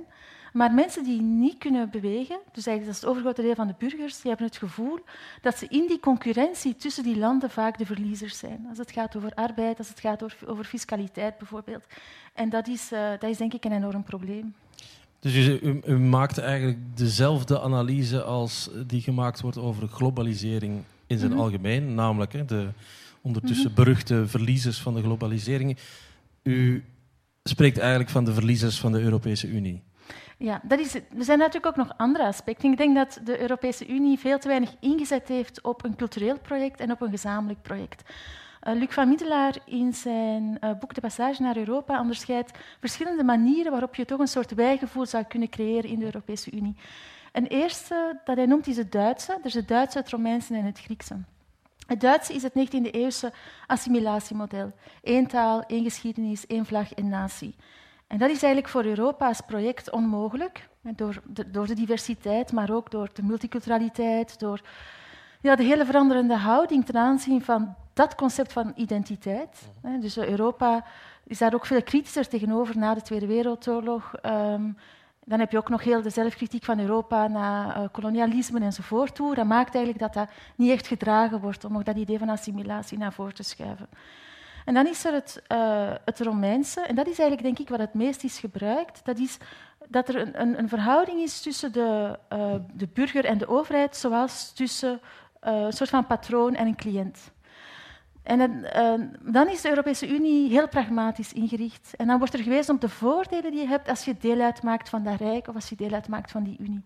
Dat is denk ik wat in België heel uh, veel gebruikt is, onder meer door uh, Jean-Luc Dehaan. Ik herinner me dat nog, als in 2005, de, uh, zowel in Nederland als in Frankrijk, toen al gestemd werd tegen de grondwet. Toen was er al heel veel sceptisch tegenover die Europese grondwet. Dan zei je, ja, het is niet goed genoeg uitgelegd. Want als je het goed uitlegt en je weet welke voordelen je hebt, je gaat kunnen reizen, zonder, dus je gaat kunnen grens oversteken, er is één munt, je gaat in het buitenland kunnen studeren, je gaat ergens anders kunnen gaan werken. Als je dat allemaal op een rijtje zet, dan besef je wel dat je toch voordelen hebt. Ja. Maar ik denk dat die strategie heel gewaagd is, omdat als je toelaat dat mensen kijken naar hun eigen belang om een politiek project te verdedigen, dan verliest je politiek project ook steun als mensen rekenen en zeggen ja, maar misschien heb ik er helemaal geen voordeel meer bij. Misschien begint dit mij eigenlijk wel te kosten. En ik denk dat ze daarin een te berekenende, te pragmatische uh, motivering heb gegeven om dat Europees project verder te zetten. Het, het lijkt een beetje, wat u nu aanhaalt uh, uh, van voormalig premier De Hane, lijkt een beetje op de houding die vandaag ook nog door mensen als Schulz of Juncker wordt gehuldigd. Namelijk, ja, of Van Rompuy in, -hmm. in, eigen land. iemand die ook vaak zal zeggen, er is, een, er is euroskepsis, we hebben een probleem, we moeten het nog beter uitleggen. Heeft u het gevoel dat de de eurocratie, laat ik dat woord even gebruiken. De eurocratie in Brussel, en dan hebben we het over die uh, um, bewindvoerders, um, dat zij beginnen door te krijgen dat ze daar niet mee gaan redden? Ja, dat denk ik wel. Ik denk dat er een enorme verandering gebeurd is de afgelopen twee, drie jaren in houding. Uh, dus dat is op zich wel, uh, wel, wel positief. Um, ik zou nog eerst even ook gewoon ter volledigheid het Griekse willen zeggen. Dat is uh, de democratische, dat is eigenlijk het core. Hè. Dat is eigenlijk het feit dat er een soort participatie is, dat je allemaal deel.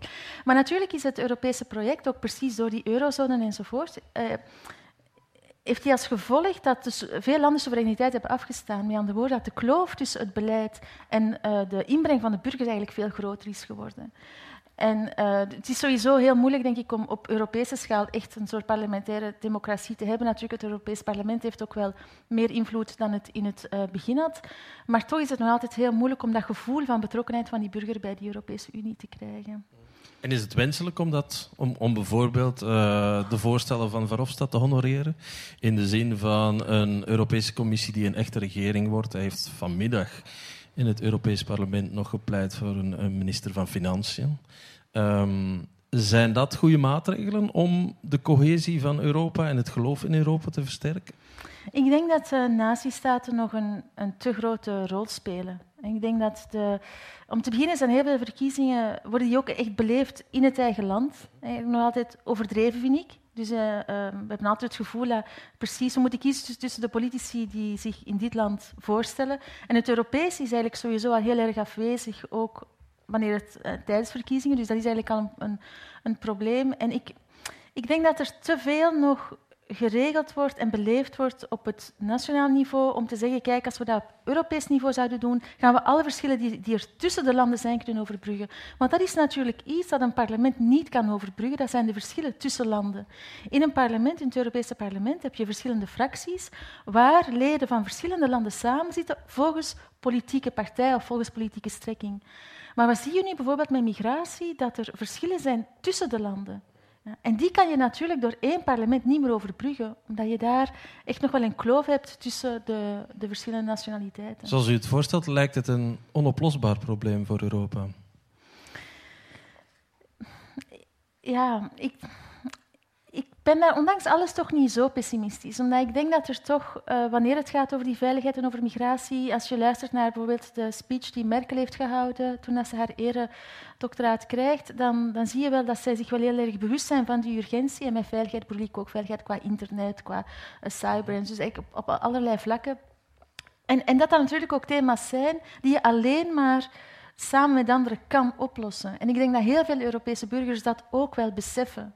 Dus dat zich helemaal terugplooien op de eigen naast, op het eigen land, dat het ook helemaal niet meer uh, volstaat voor de belangrijkste problemen die zich vandaag stellen. Maar ik denk wel dat de Europese Unie en dat vooral ook de, de beleidsvoerders zich meer gaan moeten richten tot die problemen die heel dringend zijn en, die, en waar samenwerking nodig is. Ik denk dat de samenwerking vaak ontbreekt. Ik heb, uh, gisteren was ik in, in, een gesprek met iemand die werkt in de energiesector.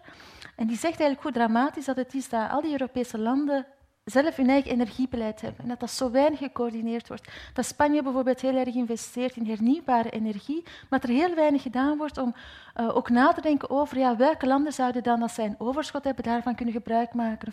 En dus elk land heeft zijn dingen. Nederland zet in op biomassa, Duitsland wil dat van nucleaire energie. Frankrijk wil wel nucleaire energie, zelfs de Groenen willen dat. Maar hoe gaan we die verschillen ooit kunnen overbruggen? Hoe gaat Duitsland uh, België kunnen overtuigen dat die kerncentrales nu toch eigenlijk echt beter dicht kunnen? Maar ik denk dat er nog altijd wel verschillen kunnen zijn, maar je kan wel de dingen op elkaar afstemmen, dat is één ding. En ten tweede, wat ook heel belangrijk is, is energiebeleid heeft ook een effect op economie. En wat je ziet is dat, uh, de, uh, dat er een, een, concurrentie is, bijvoorbeeld om bedrijven, dus, dus een concurrentie tussen Europese landen, om aan bedrijf het laagste tarief te geven. En willen we Audi hier in Brussel houden, dan gaan we de, uh, een speciale... Voilà. En natuurlijk, het probleem is dat de prijs daarvoor betaald wordt door de Europese burger. En nu komen we terug bij mijn, bij mijn eerste punt, namelijk dat wie zich kan verplaatsen in Europa, zoals bedrijven, die kunnen gebruik maken van die race to the bottom, wie dat eigenlijk niet kan, zoals hè, de gewone burger, die betaalt op taal van punt een veel hogere factuur dan wie zich wel kan verplaatsen. En dat is denk ik precies een van die redenen waarom dat uh, die Europese Unie gezien wordt als een instelling of als instellingen die er niet altijd zijn voor de burgers. Ja. Um, u heeft het over de middenklasse. De middenklasse die minder bewegelijk is dan die elite en dan bedrijven. En dan vooral lage scholen, denk ik. Die en dan lage scholen, dus de lagere middenklasse, zeg maar. Traditioneel het publiek van, van de sociaaldemocratie. Uh, u, het citaat dat ik, uh, dat ik voorlas ging ook over de sociaaldemocratie. Uh, in, in, in KNAK hebben we op het einde een, een, een kolompje en een van de vragen daar, die licht ironisch zijn, is wat is de schuld van de media? Um, mijn, mijn vraag voor u is, wat is de schuld van de socialisten? Ja, ik, vind, ik, denk niet zo graag in termen van schuld of beschuldiging. Hè. Dus maar het gaat wel over sociaaldemocraten. Dus. Ja, ja, maar ik denk dat proberen te begrijpen interessanter is dan uh, wat een echt zo Wat is de verantwoordelijkheid van de, van de socialisten? Ja, of, ik... of hebben, hier, hebben die hier geen aandeel in? Ik, ik vraag het omdat, omdat u het heeft mm. over de middenklasse en de lagere mm-hmm. middenklasse. Mm-hmm. Traditioneel een electoraat van Absoluut. de sociaaldemocratie. Ja, ja, dus als daar iets is misgelopen, mm-hmm lijkt het toch evident om even na te gaan. Wat heeft de sociaaldemocratie dan Wel ja, de, klassieke uitleg is dat ze te lang zijn meegegaan met die derde weg en met die trickle-down idee. Mhm, van mhm. eigenlijk. En, en, dat is een idee dat aantrekkelijk lijkt op het ogenblik dat, dat er nog veel economische groei is. Dus het idee is dat iedereen wordt rijker en dus gaan sowieso, uh, is er dan een uh, manier waarop uiteindelijk die rijkdom ook wel terechtkomt bij de, uh, degenen die het, minste hebben. Maar dat blijkt, sinds Piketty enzovoort hebben allemaal uitgezocht dat dat eigenlijk niet het geval is en dat die kloof alleen maar groter wordt. En dan is natuurlijk de vraag hoe dat je wel komt tot die herverdeling. En dan denk ik dat uh, opnieuw precies Europa daar meer zou kunnen doen als ze wel een fiscaal beleid zouden kunnen doen. En dus, dus dat daar precies die samenwerking internationaal nodig is en dat die vaak, vaak ontbreekt. Um, als we kijken naar de opkomst van wat alles populisten worden mhm. genoemd, mm -hmm. Wilders, Le Pen, Petri enzovoort, um, is dat een bedreiging of een kans voor Europa?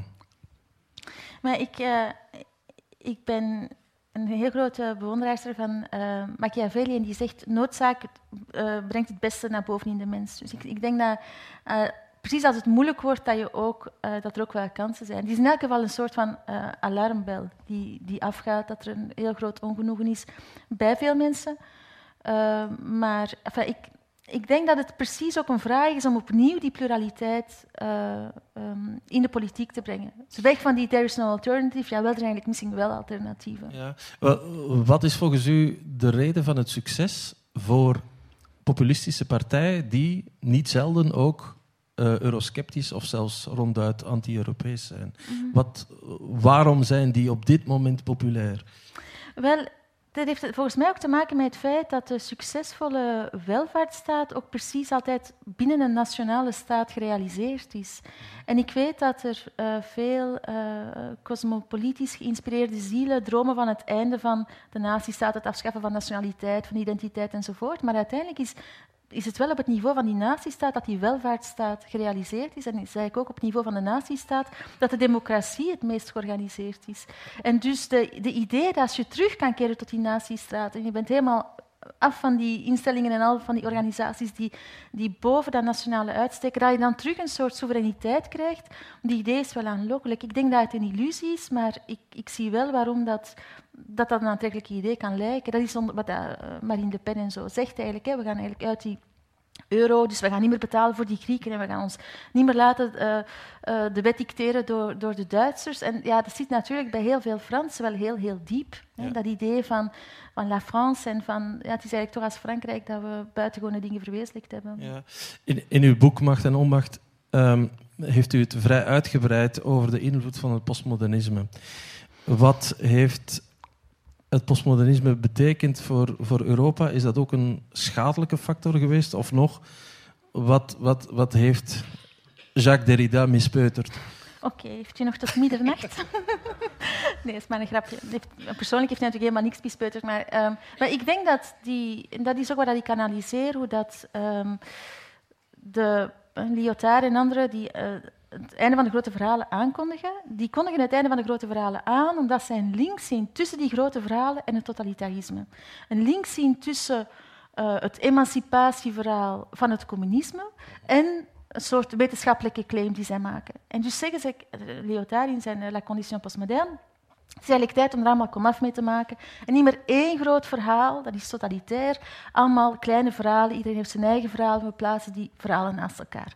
En dat is op dat moment een heel interessant idee, denk ik, precies in reactie tegen vooral ook de, de invloed die het, dat marxisme gehad heeft als ideologie, nog altijd bij intellectuelen in de jaren 50, 60, Sartre enzovoort.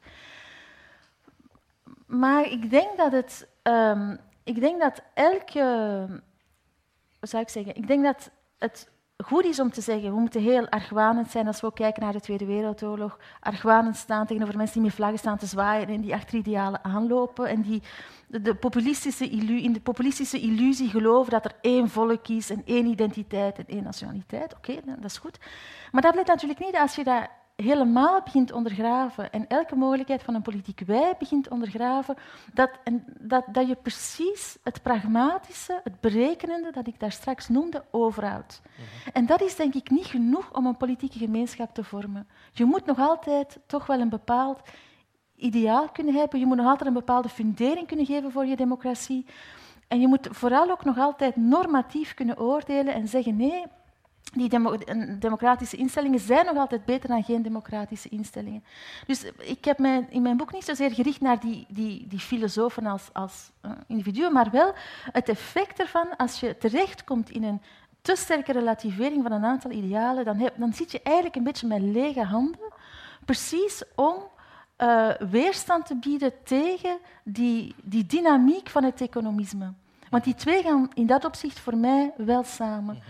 Uh, het is precies op, op dat moment. Ik, zal een ander voorbeeld geven. Um, je kan zeggen, dus, die opkomst van dat populisme, uh, je ziet ook uh, bij Trump, en die, die, maakt dat van die straffe uitspraken. Hè.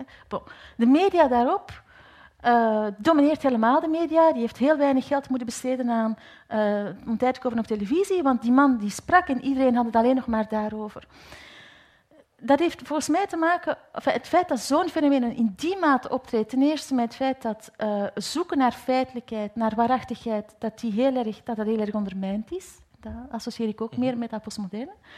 Dus, uh, en, en, ten tweede ook dat er een economische logica is. Het hoofd van NBC was in Amerika heel tevreden dat Donald Trump meedeed met de voorverkiezing van de Republikeinen, want dat is goed voor de kijkcijfers en goed voor de... Uh, dus, dus als je geen normativiteit hebt voor waarheid, voor feitelijkheid, voor wetenschappelijkheid. Uh, en, en, ook zelfs voor, voor democratische ideeën en, en idealen, dan vergelijk je eigenlijk in ja, een soort leegte waar precies die economische wet des te erger geldt. Als, als ik u enigszins mag geruststellen op dat laatste punt, de, de, de, de laatste cijfers in Amerika van New York Times, maar ook andere uh, bladen, die gaan juist de hoogte in. Naar aanleiding Absoluut, van ja. wat er aan het gebeuren is met Trump. Omdat iedereen inderdaad terug aan het grijpen is naar de feiten. Dat is de noodzaak. Ja. En Je ziet eigenlijk wat je opgeeft of wat je verliest als je niet investeert in degelijke journalistiek. En dus wordt dat eigenlijk opnieuw ontdekt precies hoe belangrijk dat is. Ja. Een, een, een laatste vraag. Ehm, ziet u eh, het op korte termijn eh, goed komen met Europa?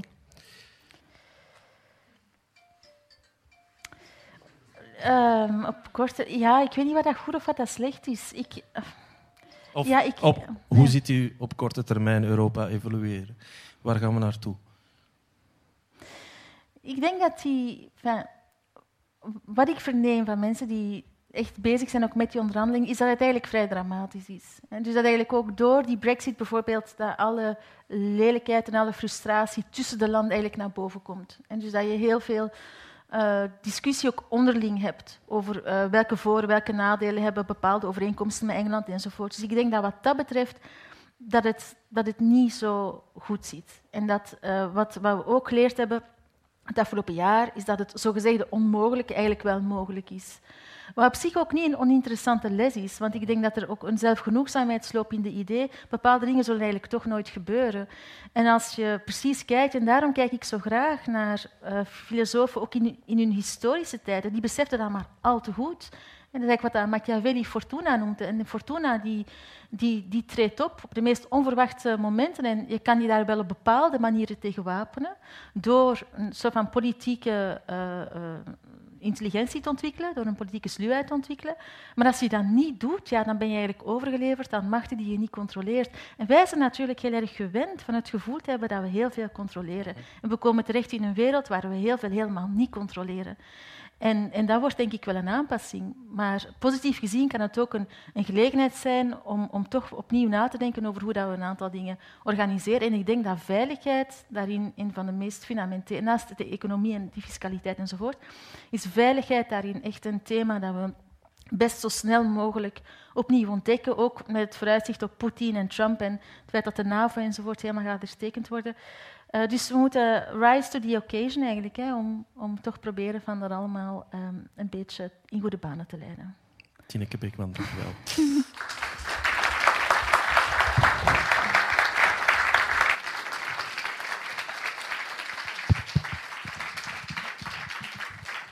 Dan is het nu de beurt aan meneer Van Bendigen.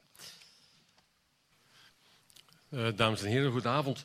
Uh, ik, beloof u dat ik het niet langer zal trekken dan uh, tien minuten, want u heeft al heel wat te verteren gekregen.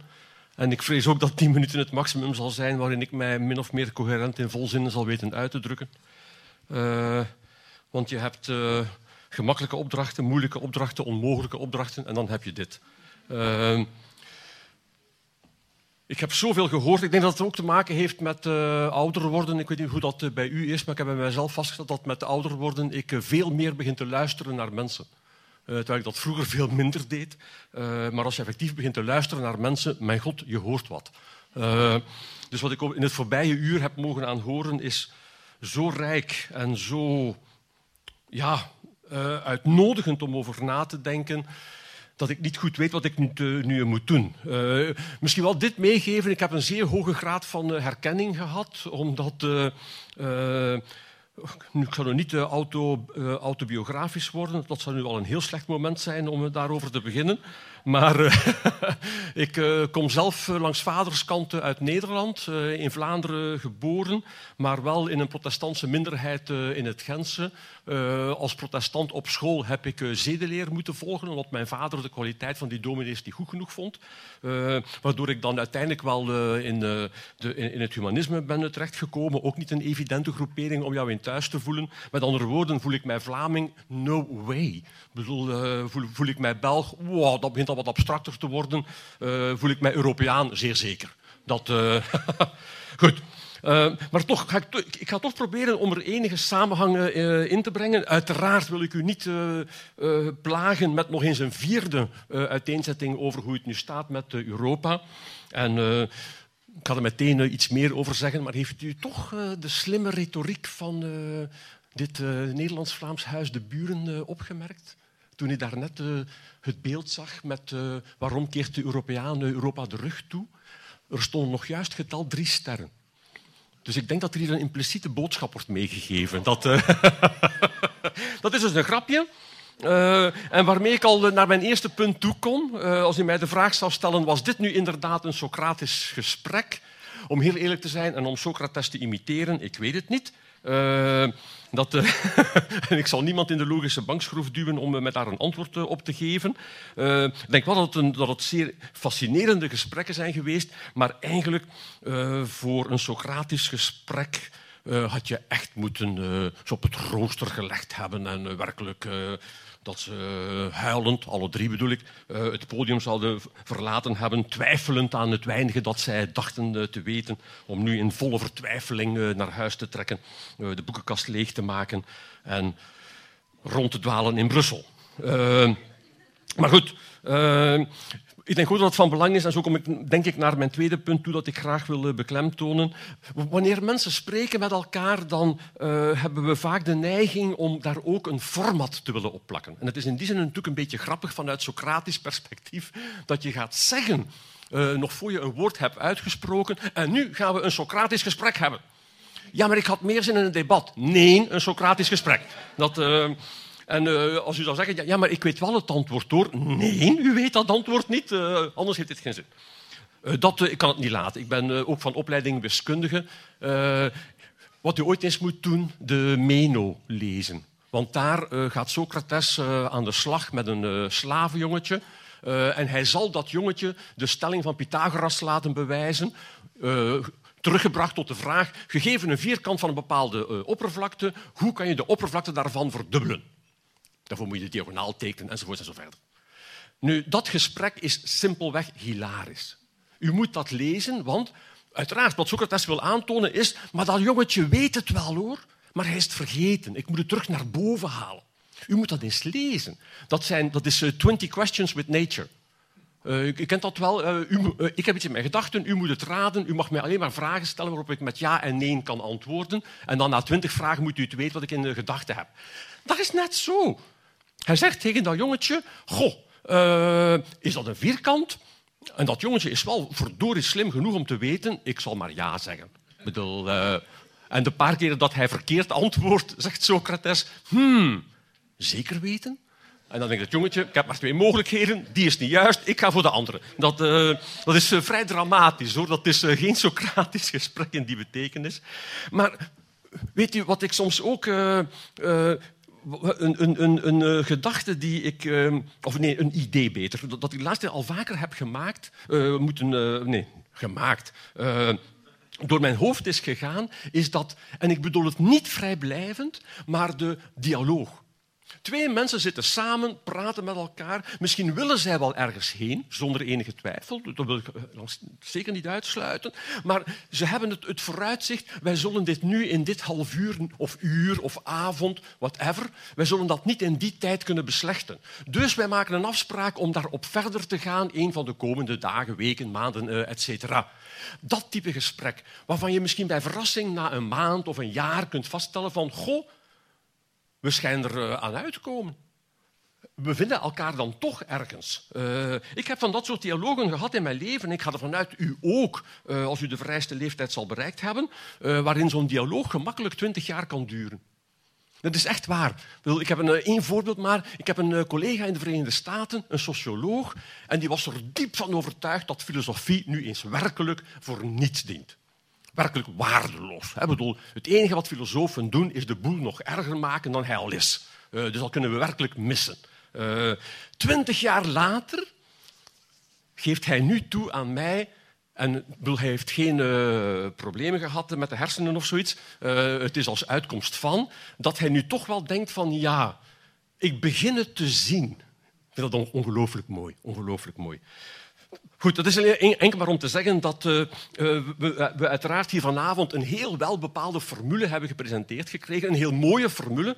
Het is een formule die ik zou willen omschrijven als... Hier krijgt u de ingrediënten. Eigenlijk hebben we drie potentiële recepten gehoord die je kunt maken met die ingrediënten. Maar wat nu uh, bij wijze van spreken het voorbeeld zou moeten zijn, dat in het kookboek zou moeten staan, van daar moet je op uitkomen. Nee, en dat is maar best ook natuurlijk. Of je moet meemaken wat ik heb meegemaakt als je als eh, student uh, een versie van het, uh, wel, voor Vlaanderen dan, het al wel bekende kookboek van de Boerinnenbond, nietwaar, had ik op de rommelmarkt gevonden. Maar ik had er geen rekening mee gehouden dat het een heel oud exemplaar was en dat alle kleurfoto's verschoten waren. Dus ik heb een tijd lang een groene omelette gegeten, omdat ik dacht dat ik aan die kleur moest uitkomen. Uh, wat, dus, wat als je een voorbeeld hebt, kan het behoorlijk verkeerd gaan. Goed, ik ga even proberen ernstig te zijn, want het is toch ook een ernstige avond gezien het uh, ernstige onderwerp. Hoewel Socrates uh, hemzelf eigenlijk wel een lolbroek was bij momenten, zeker als hij dronken was. Lees er maar het symposium op na. Eigenlijk wel de meest vrolijke tekst van de allemaal. Uh, hoe zat er, hoe beter. wel, dat, ja, ik ga het u toch meegeven. Dat, ik uh, bepleit al jaren op mijn uh, universiteit. Waarom zouden we niet de methode van de Persen, zoals die beschreven staat bij, Her bij Herodotus, terug invoeren? Ik vind dat een sublieme methode. Als je een ernstig onderwerp hebt en je moet in discussie tot een uh, besluit kunnen komen, oké, okay, vergader met elkaar, discuteer enzovoorts. Je komt tot een besluit en vanaf dan doe je het opnieuw, maar nu iedereen zat. Dus iedereen is, nu uh, poepeloer zat en men heeft de discussie opnieuw. Komt men tot hetzelfde besluit, dan wordt het aanvaard. Indien niet, overnieuw. Kijk, dat vind ik een grandioos idee. Goed, we moeten wachten tot het einde van deze maand natuurlijk, want deze maand mag het niet. Uh, maar dan heb je ook een uh, maand zonder, besluiten, dat is ook aangenaam. Het ernstige dat ik toch graag wil aanraken, uh, uiteraard, ik wil ook geen enkele poging wagen om een samenvatting te maken van de drie uh, mooie gesprekken die we hebben gehad vanavond. Uh, dat, dat is uw opdracht, neem ik aan, als u vanavond naar huis gaat. Maar het is me wel opgevallen dat er een paar constanten in zaten. En laat ik u nu heel snel een paar van die constanten meegeven, opnieuw als ingrediënten ook, die misschien kunnen als, de, als kruiden dienst doen op de recepten die u daarnet heeft gekregen. En dat is, ik heb, denk dat ik mag zeggen dat ik heb in de drie gesprekken dat die fundamentele spanning gehoord heb tussen aan de ene kant wat ik zou noemen het microperspectief, het is een paar keer letterlijk zo aangehaald geweest, het uh, idee dat uh, ja, ik heb een bepaalde job en die job wordt bedreigd omdat vanuit andere uh, landen uit Europa, omdat men daar soepele regelingen heeft en, wat dan ook, en mijn job nu bedreigd is. daardoor kan ik in de problemen komen met mijn lening, waarvan ik dit en dat zie gebeuren, met het risico dat mijn klein bescheiden spaarsommetje verloren kan gaan enzovoorts. En voor alle duidelijkheid, ik heb dat microperspectief ook. Ik bedoel, dat is een uh, ander uh, micro-universumpje, maar het is er ook één. Uh, en dat zowel in tijd als in ruimte. Vandaar hoorde ik zeer graag de opmerkingen over die beperking van bewegingsmogelijkheid. Enfin, ik bedoel, graag horen, ik bedoel, omdat het zo'n belangrijk concept is. Omdat de bewegingsmogelijkheden ook een mogelijkheid inhouden om dat perspectief te kunnen verruimen. Maar toch blijft uh, een van de voornaamste opdrachten, denk ik, hoe kan je nu dat microperspectief proberen koppelen aan de macroperspectieven? En ik ga bewust het meervoud gebruiken, omdat ik denk dat, uh, en dat hebben we vanavond impliciet een aantal keren mogen horen, soms expliciet zelfs, dat uniciteit werkelijk iets is. Als je het kunt vermijden, doe het. En uh, akkoord met de belangrijke waarschuwing dat als we alle grote verhalen gaan buitengooien en vervangen door uh, een reeks van uh, kleine verhalen, en als die verhalen dan afdalen tot het micro, microperspectief, dan, dan heb je het gehad, denk ik. Maar dat belet niet dat de omgekeerde beweging van het terug proberen samenstellen van die microverhalen tot een groter verhaal, dat blijft nog altijd perfect mogelijk. Wat ik nu ik had een voorbeeld in gedachten, verdorie, maar het, uh, het, is mij nu uh, ontsnapt. Wel, ja, ja, ja, sorry. sorry, ja, ik moet toch ook ergens één filosoof laten vallen, dus ik ga dat nu doen. Dan hebben we dat gehad ook. ik zou nou wel graag even de naam van Paul Feyerabend willen laten vallen, de, de, wetenschapsfilosoof, nogal gecontesteerd, maar die, wanneer hij zijn zogenaamde, eerst noemde hij het een anarchistische opvatting over wetenschap, later een dadaïstische, wat ik veel mooier vond, een dadaïstische opvatting over wetenschap, dan zegt hij letterlijk in zijn uh, eerste hoofdwerk Against Method, in strijd met de methode, zegt hij letterlijk, uh, let, wel, wat ik hier nu naar voren schuif, dat is niet het antwoord. Maar de kennisleer die wij vandaag hebben is ziek. En ik stel dit boek voor als medicijn. Nu, als het medicijn heeft gewerkt en de patiënt is, er, uh, is, aan de, is aan de betere hand, dan stop je met dat medicijn. En dan moet je terugkijken. Oké, de patiënt uh, ziet er nu al een stuk uh, flinker uit. Wat, wat, gaan we nu doen? Dus ik denk dat het een heel belangrijke gedachte is. Het heeft me enorm veel plezier gedaan tussen haakjes om te horen dat, dat we ook in termen van gender kunnen nadenken over zo'n abstract gegeven als Europa. Ik vind dat werkelijk. Uh, ik vind het zo'n jammerlijke ontwikkeling binnen onze westerse filosofie dat kennis dat statuut heeft gekregen. Niet zozeer van objectief te willen zijn, dat is misschien nog nastrevenswaardig, maar ook vrij te zijn van alle andere elementen die als storend zouden kunnen optreden. Terwijl is er iets mooiers dan kennis die ook een erotische kracht in zich zou dragen. Uh, en als ik mij vraagt van erotische kennisprofessor, waaraan denkt u dan? Dan is mijn antwoord heel eenvoudig, de wiskunde. Uh, ik ken uh, geen toestand die erotischer kan zijn dan dat. alleen wiskundigen kunnen klaarkomen bij het zien van een formule. wie anders kan dat? Goed, dat gezegd zijnde.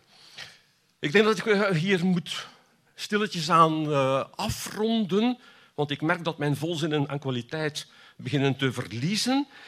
Moet ik er nog een kritiek geven? Ik zal een kritiek geven. Nou, om toch uh, op een kritische noot uh, af te sluiten. Eén element heb ik niet gehoord vanavond. Nou, u zal denken van... We praten over het geheel van Europa, verleden, heden, toekomst. Er is iets vergeten, meent u het nu? Uh, maar toch nee. een ingrediënt dat ik graag had beklemtoond gehoord in een van de tussenkomsten Misschien is het impliciet gebeurd, ik had het graag nog wat explicieter gehoord. Dat is met name uh, de. Als je deze verhalen hebt gehoord, of deze uiteenzettingen beter, deze interviews hebt gehoord vanavond, dan lijkt mij het nog meer dan het mij ooit duidelijk geweest is, lijkt het mij nu absoluut duidelijk welke enorm belangrijke rol het onderwijs te spelen heeft het onderwijs niet zozeer in termen van kennisvergroting. Bedoel, we moeten wel dingen leren, daar hoeven we niet over te discussiëren. We kunnen discussiëren over welke dingen we moeten leren. Uh, moet je niet echt die jonge gasten uh, leren uh, hun rijbewijs halen in de tijd van de, middelbare school? Kom aan, zeg. Bedoel, daar dienen toch de ooms en tantes en broers en zussen voor. Bij, bij, mij was het mijn oudere broer. Gevolg, ik heb geen rijbewijs. dus je ziet, alles komt goed. Maar ik, dat had ik nu beter niet gedaan om dit verhaal ertussen te traden. Dus niet zozeer kennisvergroting, ik ben er weer, kennis, en dan stop ik. Uh, kennisvergroting, maar vooral wat ik zou noemen perspectiefvergroting. En ik denk dat er een enorme rol is weggelegd, en nu maak ik de cirkel rond door opnieuw op die retoriek en dat argumenteren en dat dialogeren. Uh, wat moeten wij doen? En ik denk dat die vraag voor een groot deel nog niet beantwoord is, of onvoldoende beantwoord is. Hoe kan je binnen een microperspectief zo praten dingen zo aanbrengen dat ze niet binnen dat microperspectief worden gebracht, maar dat die link met het grotere perspectief duidelijker wordt. Dat dat je dat ruimere beeld kunt krijgen, zoals men dat uh, zegt. Het wordt zeer gemakkelijk gezegd. Ja, ja, ja, je moet het wat ruimer bekijken. Wel, ons gezichtsveld, wat er zich achter mij afspeelt, heb ik echt geen idee van. Daarvoor moet ik mij omdraaien. En daarom doen we dat ook de hele tijd. Uh, maar nee, hè, bedoel, en dat is een immens complexe taak. En ik zal de eerste zijn om te zeggen dat de logica daarin wel een rol kan spelen, maar zeker niet de, het finale woord kan hebben. We komen dan terug op, uh, op wel onder andere de, de Socratische methode als een van de vele gespreksmethoden die wij hebben om in eerste instantie elkaar te kunnen begrijpen en dan, als het ongelooflijk meezit, om zelfs tot een gezamenlijk standpunt te kunnen komen. Maar zoals je allen weet, die momenten zijn raar. Uh, dus wanneer ze zich voordoen, zijn dat wat ik voor mezelf noem Mona Lisa-momenten. Je denkt, hoe hebben wij dat nu kunnen voor elkaar krijgen? En het leuke is dan altijd dat het dan doorgaans uh, antwoord, zij die betrokken zijn, wij weten het ook niet. Maar het is gebeurd, dus laat ons tevreden zijn. Wel, zo ook vanavond is er zeker iets gebeurd. Wat het is, ik zou het niet weten, dat heeft u gehoord. Maar er is zeker iets gebeurd En dus dat maakt deze avond ook vanuit Socratisch oogpunt bijzonder zinvol. Dank u wel.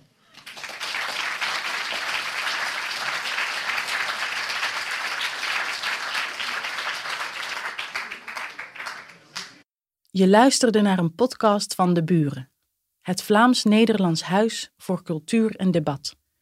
Benieuwd naar ons literaire aanbod? Luister dan ook naar radioboeken, citybooks en andere audioverhalen. Ontdek ons podiumprogramma en al onze digitale producties op www.deburen.eu.